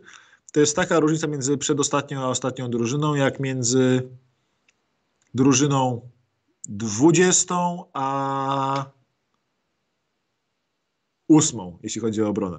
Właśnie wszedłem na zawyżony, co prawda, ranking ESPN-u i oni tu im nawet dali 122,7, gdzie Pistons i Hornets mają po 119. Tak, bo ESPN ma za, zawyżony jakby, ale różnica Tak. między 8 Phoenix a 20 Hawks jest taka sama w, w obronie, a 21 Lakers jest tak, w obronie jest taka sama jak e, między 29 Detroit a 30 San Antonio. W sensie San Antonio dramatycznie odstaje, jeśli chodzi o ilość zdobywanych, o ilość traconych punktów na tle ligi. Jeśli gra twoja drużyna z nimi, to możesz postawić e, prawie zawsze na over punktowy twojej drużyny, bo i Spurs też co jest drugą zabawną statystyką. Spurs na 100 posiadań przegrywają średnio 10 punktami z rywalami. Drudzy najgorsi są Rockets minus 8, a Spurs są minus 10. I tak się tankuje właśnie. I to znowu różnica między 29 Houston a 30 Spurs jest taka jak między, dajmy na to, niech to będzie 21 Bulls, bo ty jesteś fanem Bulls, a Nie jestem. 8 Nets. Nie jestem fanem Bulls. Jestem przykrym obserwatorem tego, co się dzieje od czasów Tima Floyda. Z małą przerwą na Derricka Rose'a. Dziękuję Boże, że chociaż dałeś nam dwa sezony udawania, że jest ktoś dobry w tej drużynie. Jezu. Dobrze, żarty żartami, Maciek. Kilka słów o meczu gwiazd na koniec. Dobra, ostatnie zabiedzenie szybciutkie. Jezu, jakie Ostatnie- Maciek? ostatnie Dla szybciutkie. kogo? Ja muszę je zatwierdzić. wytłumacz mi, jak drużyna z Lamelo Bolem może mieć najgorszy atak w NBA. Mm, Jakiej to Normal- wymaga niewiarygodnej sztuki wręcz trenerskiej. Mieć najgorszy atak nie. w NBA z Lamelo Bola. Nie, no jeśli masz gościa, który nazywa się Terry Rozier i potrafi ci w meczu z osobistych rzucić 65%, no to łącząc różnego typu anomalie, które tam są, łatwo to wyjaśnić. Tam są zawodnicy, którzy są świetni w niektórych rzeczach, ale ich nie robią. Robią te rzeczy, w których są najgorsi. Głównie. I mnie to nie dziwi. Mnie to nie dziwi. Poza tym, jakbyś się czuł co rano, jakbyś przychodził na trening i ten łysy facet z brzuchem, z przekrwionymi oczami, z wąsem, w, cygaru, w cygaro w zębach, non stop krzyczy na siebie. Ja myślę, że tam dochodzi do dantejskich scen przemocy, mobbingu. Ja się wcale nie dziwię też, bo ja bym ich bił po prostu jakimś, nie wiem, pejczem, batem, bambusikiem, żeby cokolwiek zaczęli grać. Więc y, to jest łatwe, to jest Charlotte. To jest taki stan, chociaż ten stan bardziej się kojarzy z wygrywaniem w NCAA. A nawet to ostatnio rzadziej. Właśnie, ciekawe jak im idzie w NCAA, ciekawe czy mają kogoś dobrego teraz.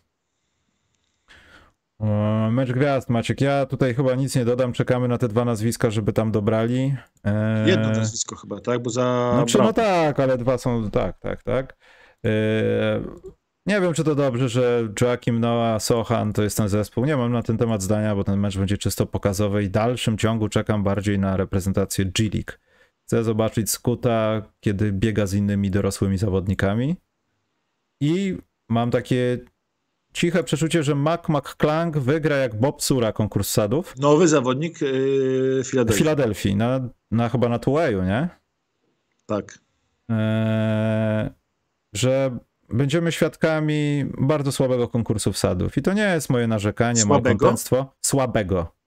O, to ja się Tak. Nie, Mac McClung to jest mój człowiek, ale niestety kojarzy mi się z Bobem, Bobą, Bob Basur, e, z Bobem Surą. Nie, no albo czegoś nie wiem o tych graczach, albo to będzie taki mm, damy parę wsadów, ten kto dał dostaje dychę, zjeżdżamy do bazy. Chciałbym, żeby Mac McClung zrobił jakieś ciekawe rzeczy i wygrał to. To jest mój faworyt. W sensie, ja jestem ogólnie potwornie rozczarowany tym, że się wycofało Shadon Sharp z tego.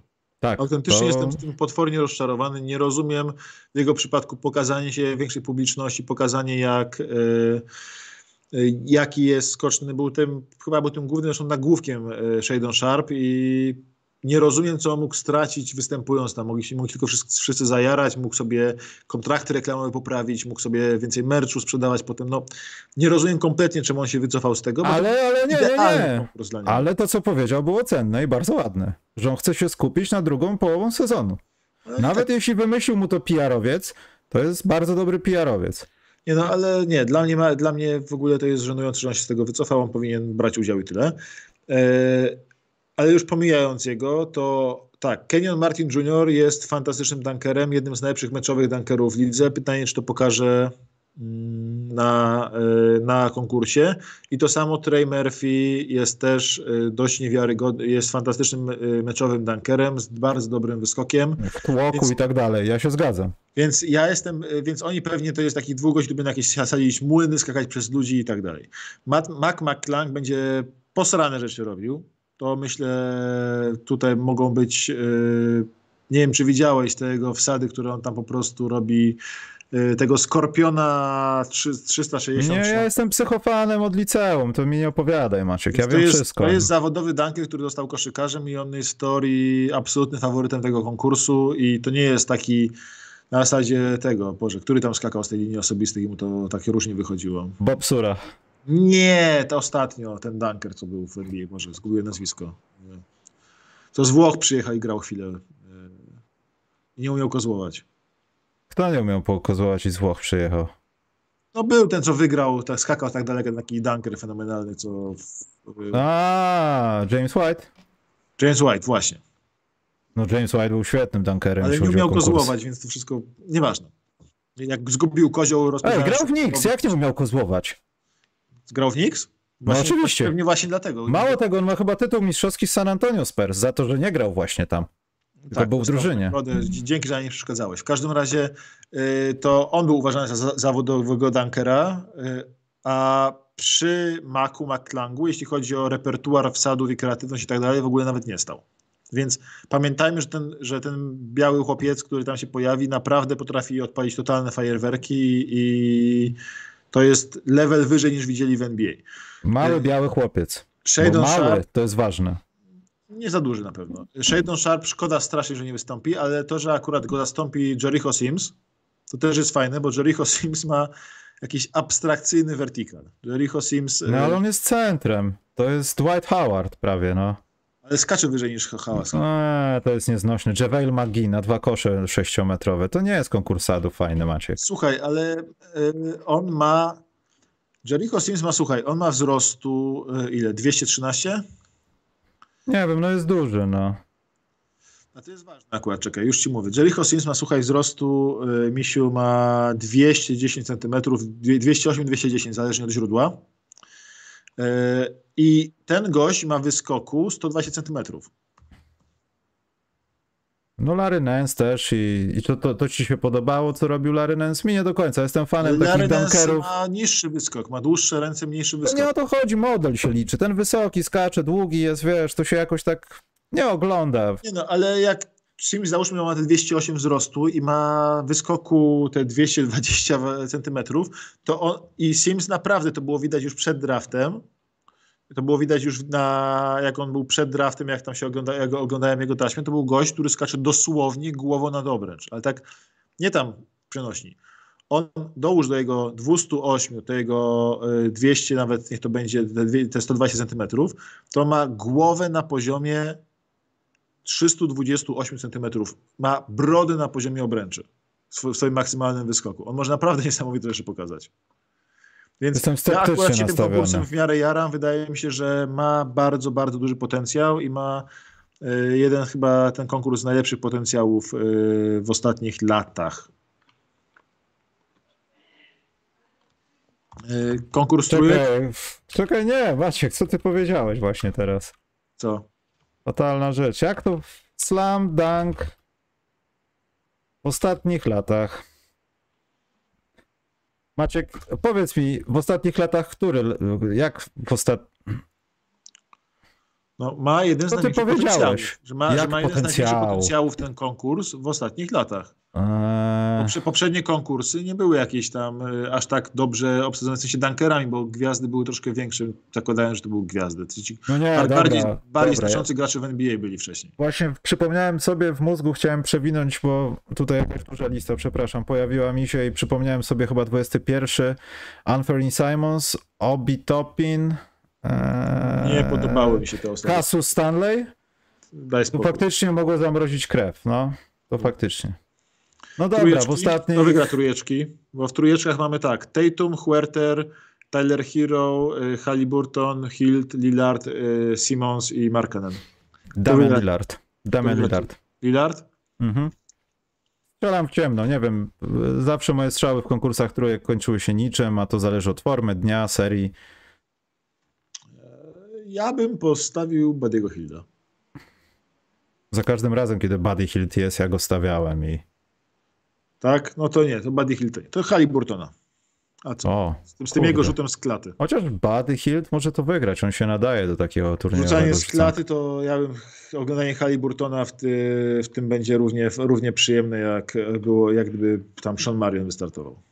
Ale oglądajcie, kupcie się na Sochanie, oglądajcie, to będzie warto obejrzenia. Mało tego, jak ktoś jest z Trójmiasta, to fajny event tam mają, bo sklep koszykarza, tam będzie Y, studio. Przypomnijmy o tym, że yy, Socha został wybrany z dziesiątym pikiem w tym drafcie i jako piąty z rookies.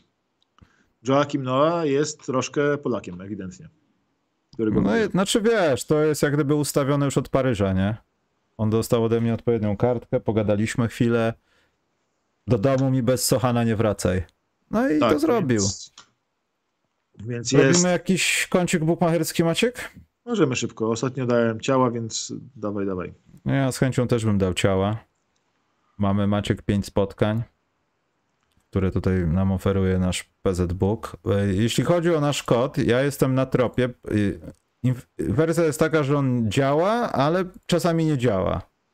Staram się dojść właśnie, tutaj widzę, że dostałem dwa maile dzisiaj, Jako także... słup reklamowy jesteśmy fantastyczni. Nie, przede wszystkim to musimy mieć jakieś podstawy do tego, żeby być typerem, a póki co nie mamy Maciek żadnych, więc możemy próbować gdziekolwiek. Dobra. Jesteśmy hiper Bucks słabi. Celtics, hicior. Bucks Celtics? Coś tu jest z Bucks nie tak, bo dają 4-10 za zwycięstwo, przepraszam, za zwycięstwo Celtics. Nie ma Browna i grają w Milwaukee. Mm, no tak, nie ma Browna, grają w Milwaukee, ale Tatum jest. E, Ja bym dał Boston plus 9. Boston plus 9? To jest 1,86 kurs. Ja się nie bawię w takie kursy, to za małe zyski są. Trzeba coś bardziej dynamicznie, Maciek. Na logikę myśląc, jeśli dają tak na Boston, już teraz mi O, poszko... Boston cztery- plus 9,5 to jest 1,9 w ogóle. Patrz. Co? Plus 9,5? Tak, bo plus podwyżka. 9,5 to jest 1,9 kurs. Dobrze, to ja w to wchodzę. W takim układzie to jest blisko już progu tego. Ja bym nawet podwyższył troszkę poprzeczkę i dał... Czekaj, czy Tatum wypadł? Bo ten kurs urósł nagle znowu. Tak, Tak, na 4,40 urósł właśnie w tym momencie, zauważyłem. Tak, właśnie patrzę, czy coś się stało z Tatumem. Bo szczerze mówiąc, to jest taki mecz do posadzenia Tatuma, żeby odpoczął sobie. Mhm. Tak, jest- wypadł właśnie, więc odpuszczam ten kurs. W sensie daję Milwaukee. To ja w takim układzie tutaj... Ale tu, nie, tu się nie opłaca, tu się nie opłaca po prostu tego kombinować. Nie, wejdę sobie, Maciek, tutaj z propozycją powyżej 226 punktów. Albo 226,5, bo na to i na to jest taki sam kurs. Dwa. Po prostu dwa w tym meczu. Powyżej 226. Ja w Ja to tego wchodzę. meczu nie ruszam. Nie lubię takich spotkań, gdzie nie grają dwie gwiazdy, bo to jest ten. Na punkciki. E, Toronto-Orlando, ja tego nie dotykam z kolei. Ja bym E, dał po, poniżej, poniżej 221,5. Poniżej 221,5? Tak. 221,5 poniżej to jest 1,9. I tutaj jeszcze jedną ciekawą rzecz widzę za 2,55. Wendell Carter nie ma takich inklinacji, ale potrafi mu się odpalić. Powyżej półtorej trójki Wendella Cartera w tym meczu. Jeśli zagra. 2,55. To jest ciekawy typ, można zaryzykować. Ja bym w to wszedł. On rzuca za trzy punkty, pewnie trafi jedną i zakończy się ta przygoda jego, ale to, to jest mój typ numer dwa. Kings w Arizonie. Mm. Znaczy tak, Clippers Warriors to bym sobie odpuścił. Bo to jest brudny mecz. Ja nie widzę tutaj czegokolwiek, co mi może zachęcić, oprócz jakichś indywidualnych e, występów. Ale tutaj. Czy Kings nie mogą wygrać tego meczu po prostu? Yy, wiesz co, właśnie Kings tak, ja bym po prostu postawił Kings. Zwycięstwo Kings, 2-20. 2 i no. 2 Kings, tak. Bo to jest, pamiętajmy, że mówimy o Suns bez Duranta, o Suns, gdzie yy, nie ma skrzydłowych w ogóle, a oni są tu wyceniani jakby byli faworytem yy, Suns. Mimo, że są bez skrzydłowych bez Duranta, a tam jest Chris Paul, Booker i Ayton, ale z kolei bez yy, kogokolwiek przyzwoitego nawet na skrzydle, więc ja mam Kings tutaj po prostu, 2 i 2 Kings. Mm, to ja też bym w to wszedł, 2-2 Kings. Y- Clippers, Warriors, ja odpuszczam cokolwiek tutaj. Ja bym postawił plus, plus 7,5 Warriors. Plus 7,5 Warriors. 7,5 to jest 1,86. I, osta- I jeszcze mam czwarty typ, jak masz Portland Wizards, to ja bym postawił, że będzie powyżej 236 punktów w tym meczu zdobytych. Jak- dwie, dwie fatalne obrony ze sobą grają. A ja bym tutaj znowu zaryzykował i wycelował w kogoś e, z dwójki Damian Lillard, Anthony Simons, jeśli chodzi o trójki. I te powyżej. Jakoś tak lubię te powyżej. I w przypadku Damiana Lillarda dałbym under 4,5 trójki. To jest 1,76. Ale Simonsa? Wiesz co, te drużyny tracą średnio, średnio tracą, e, kiedy grają z rywalami nastawionymi często nie, nie aż tak ofensywnie. Średnio razem tracą, tracą 230 punktów na mecz średnio. Więc jako, że mamy dwie słabe obrony, które jeszcze będą obie nastawione na atak, to, to może być totalna strzelanina. Tutaj jak się nie zdziwię, jak będzie 130 do 122, to się chyba nikt kompletnie nie zdziwi w tym meczu. No dobrze, ale chodzi o same trójki. Simons ma powyżej 3,5, to jest 2,15, a moja propozycja na Lillarda to jest poniżej 4,5, 1,76. Ja poniżej tutaj, ża- żadnego poniżej punktowo trójkowego bym nie stawiał w tym meczu, ni cholery. W sensie tam nie masz, Nie no. nie masz obrońcy żadnego na Ja Willarda. rozumiem, ale musisz wykluczyć, że jak Lillard przecegli 3 na 11, no to nie jest 4,5. Jak walnie 4 na 12, to nie jest 4,5. Yy, Ostatnia ta wczorajsza w nocy połowa z... yy, Boże, z kim oni grali, przypomnij mi. Ale tu może być 6 Portland. na 15. W sensie rzucił trzy dychy w pierwszej połowie, skończył z ośmioma w drugiej. No mecz był wygrany od początku do końca i już chyba nie dorzucił żadnej trój, a miał tam ich 8, czy ileś tam, już nie pamiętam tego spotkania. Z, Może tej, być 6, to, to może być 6 na 15, wiesz, tu jest ten. No ja bym, ja, ja bym dał jednak poniżej 4. Ale Więc Simons moje- powyżej 2,5. Więc moje 3,5. typy to jest tak, to jest y, Magic z Raptors poniżej 221,5, y, Suns Kings Kings, Clippers z Warriors y, Warriors plus 7,5 i Wizards Blazers powyżej 236. Ja to postaram się wszystko nasze typy w komentarzu rozpisać jakoś wieczorem. E, Dobrze, zajrzyjmy na kilka pytanek i idźmy sobie Maciek stąd.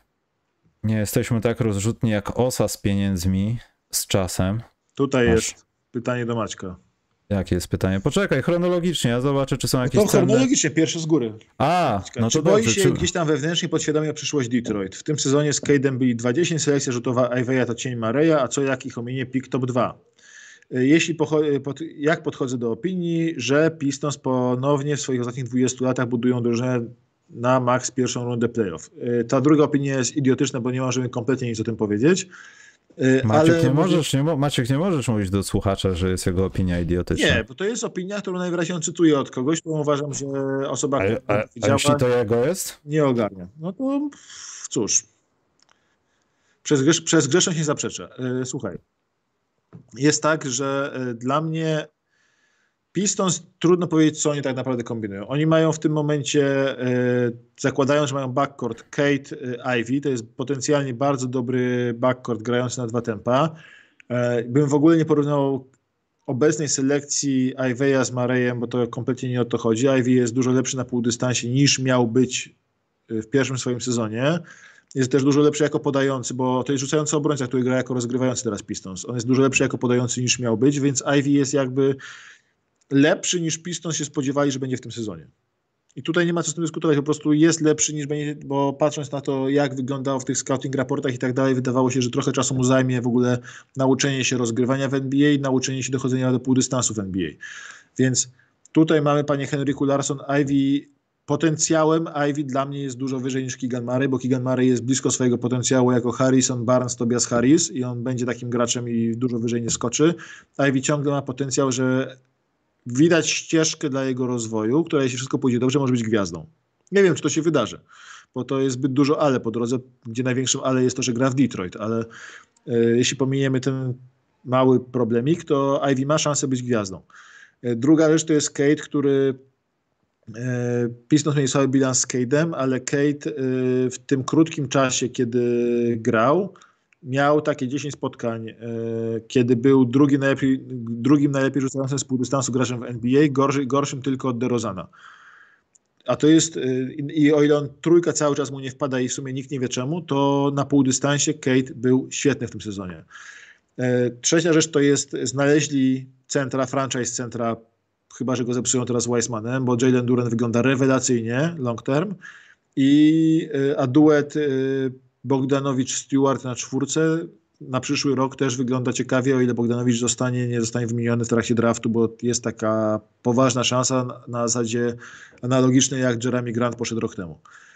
I y, kolejna rzecz to jest brak niskiego skrzydłowego teraz. Oni nie mają żadnego gracza, który byłby nadawał się na startera w tym miejscu. Mają samych rezerwowych na, na, na niskim skrzydle, więc oni potrzebują znaleźć jak najlepszego gracza w drafcie i podpisać niskiego skrzydłowego y, w trakcie, y, w trakcie off-season. I to jest cała lista ich rzeczy do zrobienia. Żeby było zabawnie, są mocno łączeni z Jerayem Grantem z Portland.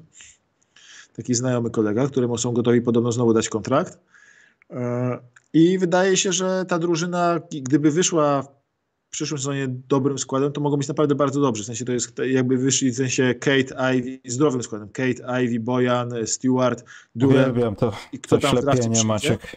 To potencjalnie jest e, fajne, chociaż yy, i uważam, że ich potencjał... Ale Maciek, przepraszam, ty naprawdę w to wierzysz? Tak, ich potencjał może być dobry. Teraz nie są najlepsi. Teraz nie są najlepsi. Niestety, to się, moi drodzy słuchacze, nazywa homerstwo i ślepe patrzenie w nadzieję swojej drużyny. Nie, ja z Bulls przestałem już dawno tak kompletnie nie rozumiem, e, Kompletnie nie rozumiem e, tego, że Weaver ma taką fascynację bastowymi centrami. Wziął e, Marvina Bagleya z, wybranego z dwójką, dał mu dużo, dużo za duży kontrakt. Latem byłem optymistyczny jeszcze w sensie wszystko jedno, ale po tym, co znowu zrobił, wydaje się, to były idiotyczne ruchy, ten, ten kontrakt dla Bagleya. E, teraz naraz Bagley i Weissman w składzie to wygląda po prostu źle. E, zwyczajnie to wygląda źle. E, I pytanie, co tam dalej się wydarzy, tak? Mam wrażenie, że on bierze graczy według swojego rankingu potencjału, kompletnie nie patrząc na pozycję i przystosowanie do zespołu, więc myślę, że to lato będzie takie decydujące, żeby móc powiedzieć cokolwiek o tym jego planie długoterminowym. Jezu, wreszcie. Eee... To naprawdę jest nieznośne słuchanie od Detroit Pistons, jak Maciek opowiada, że wszyscy gracze tam są w ogóle pewniakami, najlepszymi graczami i tak dalej. Trzy czwarte zespołów Maciek może powiedzieć to o swoich graczach i każdy powie sobie nawzajem nie, bo mój. To nie ma żadnego sensu. Kate nie jest wyjątkowym orzeszkiem w tej paczce. Eee, nikt z graczy Pistons nie jest wyjątkowym orzeszkiem w tej paczce. Henryku, nazywamy... Henryku, czekaj, Henryku y, Larsonie y, graczem z, z MVB też nagrywam niedługo, więc y, pokłócimy się o jego opinię o tym, że to jest budowanie duże na pierwszą rundę. Się bardzo pokłócimy. To jest Będzie ten... szło ogniem, zianie ogniem będzie. Będzie tragedia, to jest jakaś... Rzucanie komputerami w ekran. Dalej Maciek wierzy w to, że w Pistons są dobrzy gracze, to jest najlepsze. Eee, czy zdaje sobie sprawę, że Bulls zastąpili w tej lidze Knicks Kings byciu memem, to prawda. Michał Maciek... jest kierownikiem tego pociągu. Michał, Michał prowadzi. No ale wiesz, no, ja jestem przynajmniej w takim położeniu, że u mnie są gracze, mogę od nich wymagać, a nie w kółko myśleć sobie, wiesz co, za rok Kate będzie dobry. A słuchaj, a w tym roku będziemy mieli 15 pików w drafcie, oddamy 60, będzie Bogdan Bogdanowicz, gramy kupę. Przyjdzie Wiktor Łębajama, my dalej będziemy nigdzie, ale słuchaj, za rok Kate być może, być może Będzie lepszy niż teraz. Dobra, ty, Michał, Maciek, od dwóch lat opowiadasz to samo o tej drużynie, która jest do dupy i będzie do dupy. Michał, Spójrz yy, mu prawdzie w oczy. Duran, pamiętasz go? Poczekaj, czy widziałeś Durana w Paryżu? Stałeś koło niego? tak. Czy przebija z jego oczu jakikolwiek intelekt sugerujący, że rozwiązałby krzyżówkę? Yy, Duren jest w takim wieku, że dosłownie mógł być twoim synem.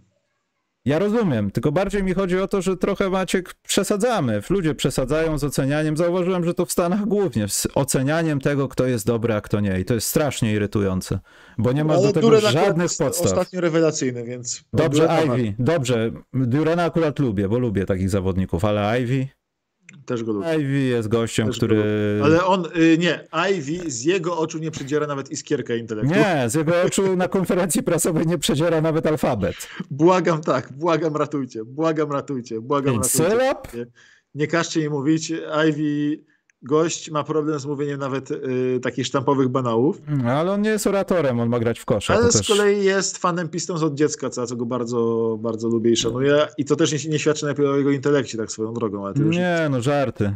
Dobra, słuchaj, bo ja tak poważnie muszę Ale lecieć a zaraz. propos memów y, i drużyn memów, zgadnij, Mi- Michał, bo to jest dobre, zgadnij, który atak ma ta drużyna wybitnie ofensywnie ustawiona drużyna Chicago Bulls w lutym. Zacznijmy od lutego. W Który lutym, atak widzę? Nie wiem, w lutym nie jest jakoś monstrualnie źle, ale przedostatni? Przedostatni dla tej atak widzę w lutym. No to źle byłoby ostatni. A, A obronę, jako, jako którą ma? O, ostatnią. Drugą w lidze ma obronę w tym czasie. Od końca. Nie, drugą. Kurde, nie, no wiem, bronią, no. Ale uważaj, to jest, i to jest dobre, bo Bulls, których jak śmiejemy, że to drużyna bez obrony i tak dalej, Bulls bardzo po cichutku, która jest tylko atakiem bez obrony, bardzo po cichutku mają 24 atak w lidze i to mnie strasznie bawi, i siódmą obronę. To jest kompletnie bezsensowne, irracjonalne, niezrozumiałe, ale Bulls Znaczy nie, oglądając mecze Bulls to jest najbardziej zrozumiałe, bo ta obrona wynika z tych drugoławkowych, y, nie pierwszopiątkowych line-upów. Jak oni są razem, jak Alex Caruso złapie piłkę, Patrick Williams kogoś zablokuje, a Kobe White jej nie straci, faktycznie to na papierze wychodzi, że ktoś broni. Tylko potem jak się sprawdzi obronę w klacz na przykład Maciek, albo zwłaszcza polecam początek trzeciej kwarty, no to dlatego nie są pierwsi. Ale to nie ma żadnego sensu, zgadza się. Ale czekaj, pytanie dostałem, dlaczego memem? No. Oni dalej są memem. Jak to przestali być memem?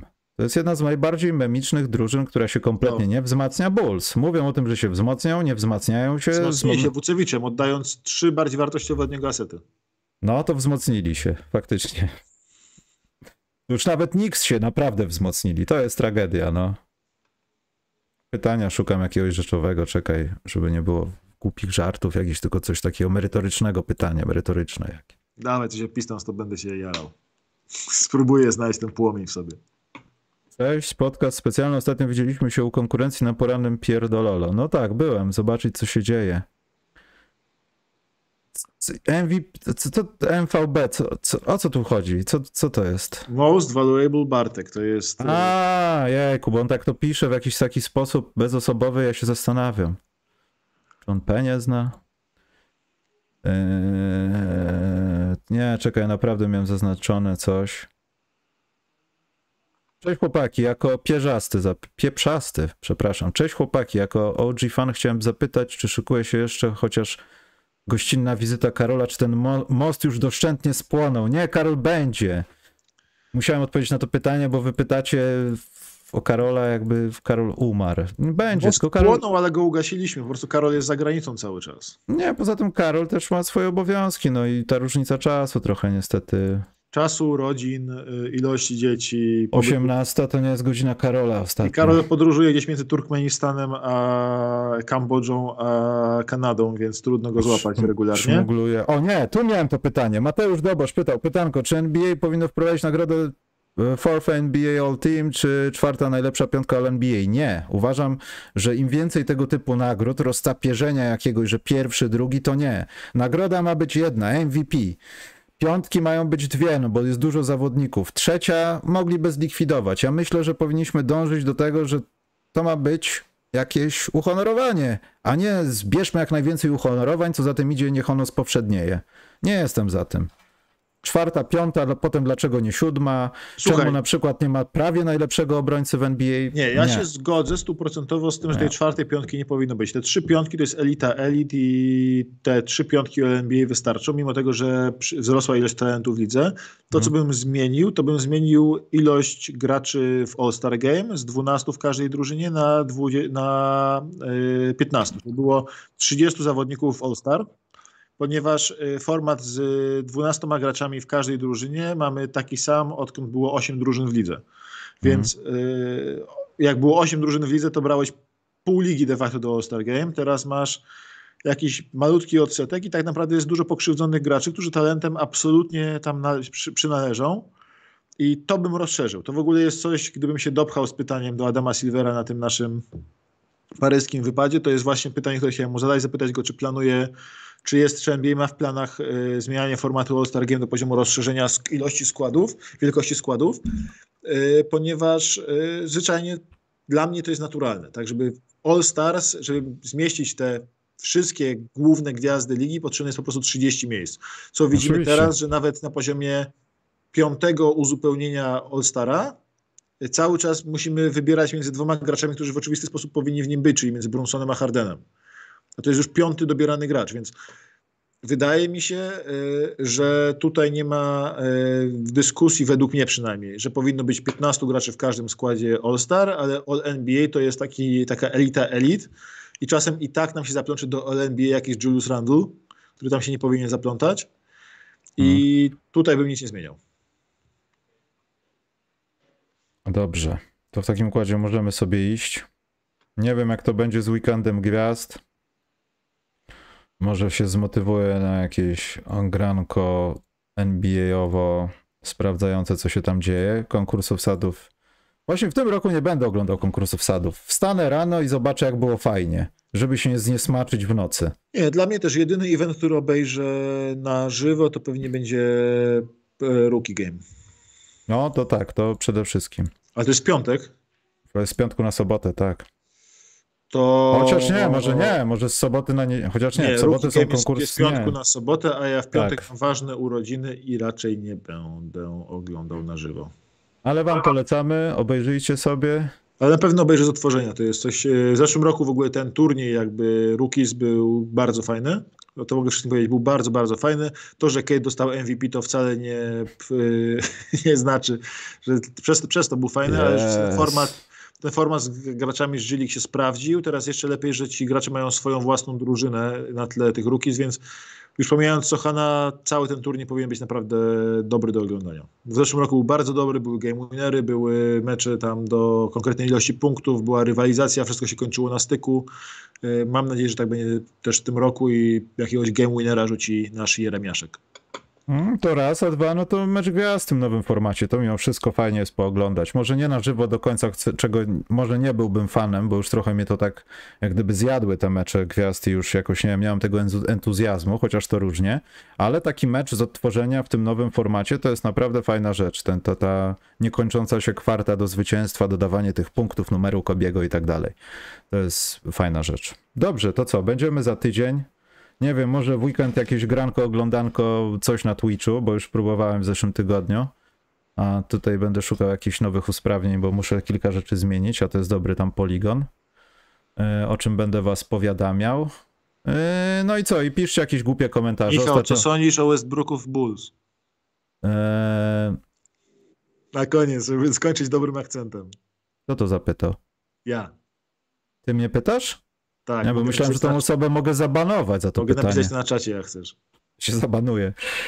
Co myślę? Myślę, że nie dojdzie do tego. Modlę się o tym już któryś wieczór. Na ten temat rozmawiam z wieloma osobami. Mój psychoanalityk już wie o tym, co się stanie, jeśli podpiszą, to ja od razu idę na kozetkę. No myślę, że to będzie bardzo zły ruch. No to będzie przepalenie pieniędzy w nadziei, że on coś zmieni i główną zmianą ma być ofensywa i podjęcie w końcu jakiejś opcji, która będzie robiła za lidera, żeby Zaka Lawina odciążyć. Ale to się myślę, że finansowo może nie zgadzać. To może być największa głupota, jaką Bulls mogą zrobić w ostatnich dwóch trade deadline. No, Przy dwóch, tym, tak. jak mają koszmarny atak, w ataku nie zaszkodzi, w obronie A Ale w Bruna i tak jest układzie, cudem u nich. tak. co robisz z Zakiem Lawinem? Zamykasz go w piwnicy, żeby nie grał, bo on w końcu z nich wyjdzie, będzie strzelał do Westbrooka i sam zabierze wszystkim piłkę. Tutaj nie widzę pogodzenia się ról, ról funkcji. No ma taki łagodnie uśmiechniętą rezygnację na twarzy, jak się z nim rozmawia. Sam widziałeś to na tym, na, na, w Paryżu. Łagodnie uśmiechnięty, zrezygnowany człowiek i mam wrażenie, że jak tylko zobaczy tego Westbrooka, to będzie jeszcze bardziej łagodnie zrezygnowany niż wcześniej. Ale podobno jest tak, że teraz, tak jak Karol wspominał to, co się mówi w korytarzach w Toronto podczas trade deadline, mówiło się, że to są dalej Clippers i dalej Bulls. Mam nadzieję, że Clippers mają więcej pieniędzy i odwagi, żeby to zrobić. Tak jest. A jak nie, no to nie robimy podcastu już nigdy. Kończę z koszykówką. Dobra, dawajcie łapki w górę, dawajcie komentarze na zasięgi, dawajcie Tak, dawajcie donate jak Osa. Osa, bardzo ładny donate. To jest, zaimponowałeś mi w tym A programie. ile ci Tym- dał? 50? Nieważne, czy dał 50 czy 100. Dziękuję za super podcasty. Tutaj liczy się inwencja tekstu. A tak, takie, takie teksty prosimy. Ale Norbert też tutaj, walentynka, ja Maćkowi dam. e, Numer mogę wys- wysłać do ciebie, także tu też jest dobrze. Bardzo dziękuję. Wysyłamy miłość, wysyłajcie nam miłość, wysyłajcie subskrypcje, wysyłajcie łapki w górę, wysyłajcie komentarze. I nie mam pojęcia, co jeszcze algorytm YouTube'a. Kupujcie polskie rap płyty. Tak jest. Dobra, lecimy. Trzymajcie się i do za tydzień. Pa!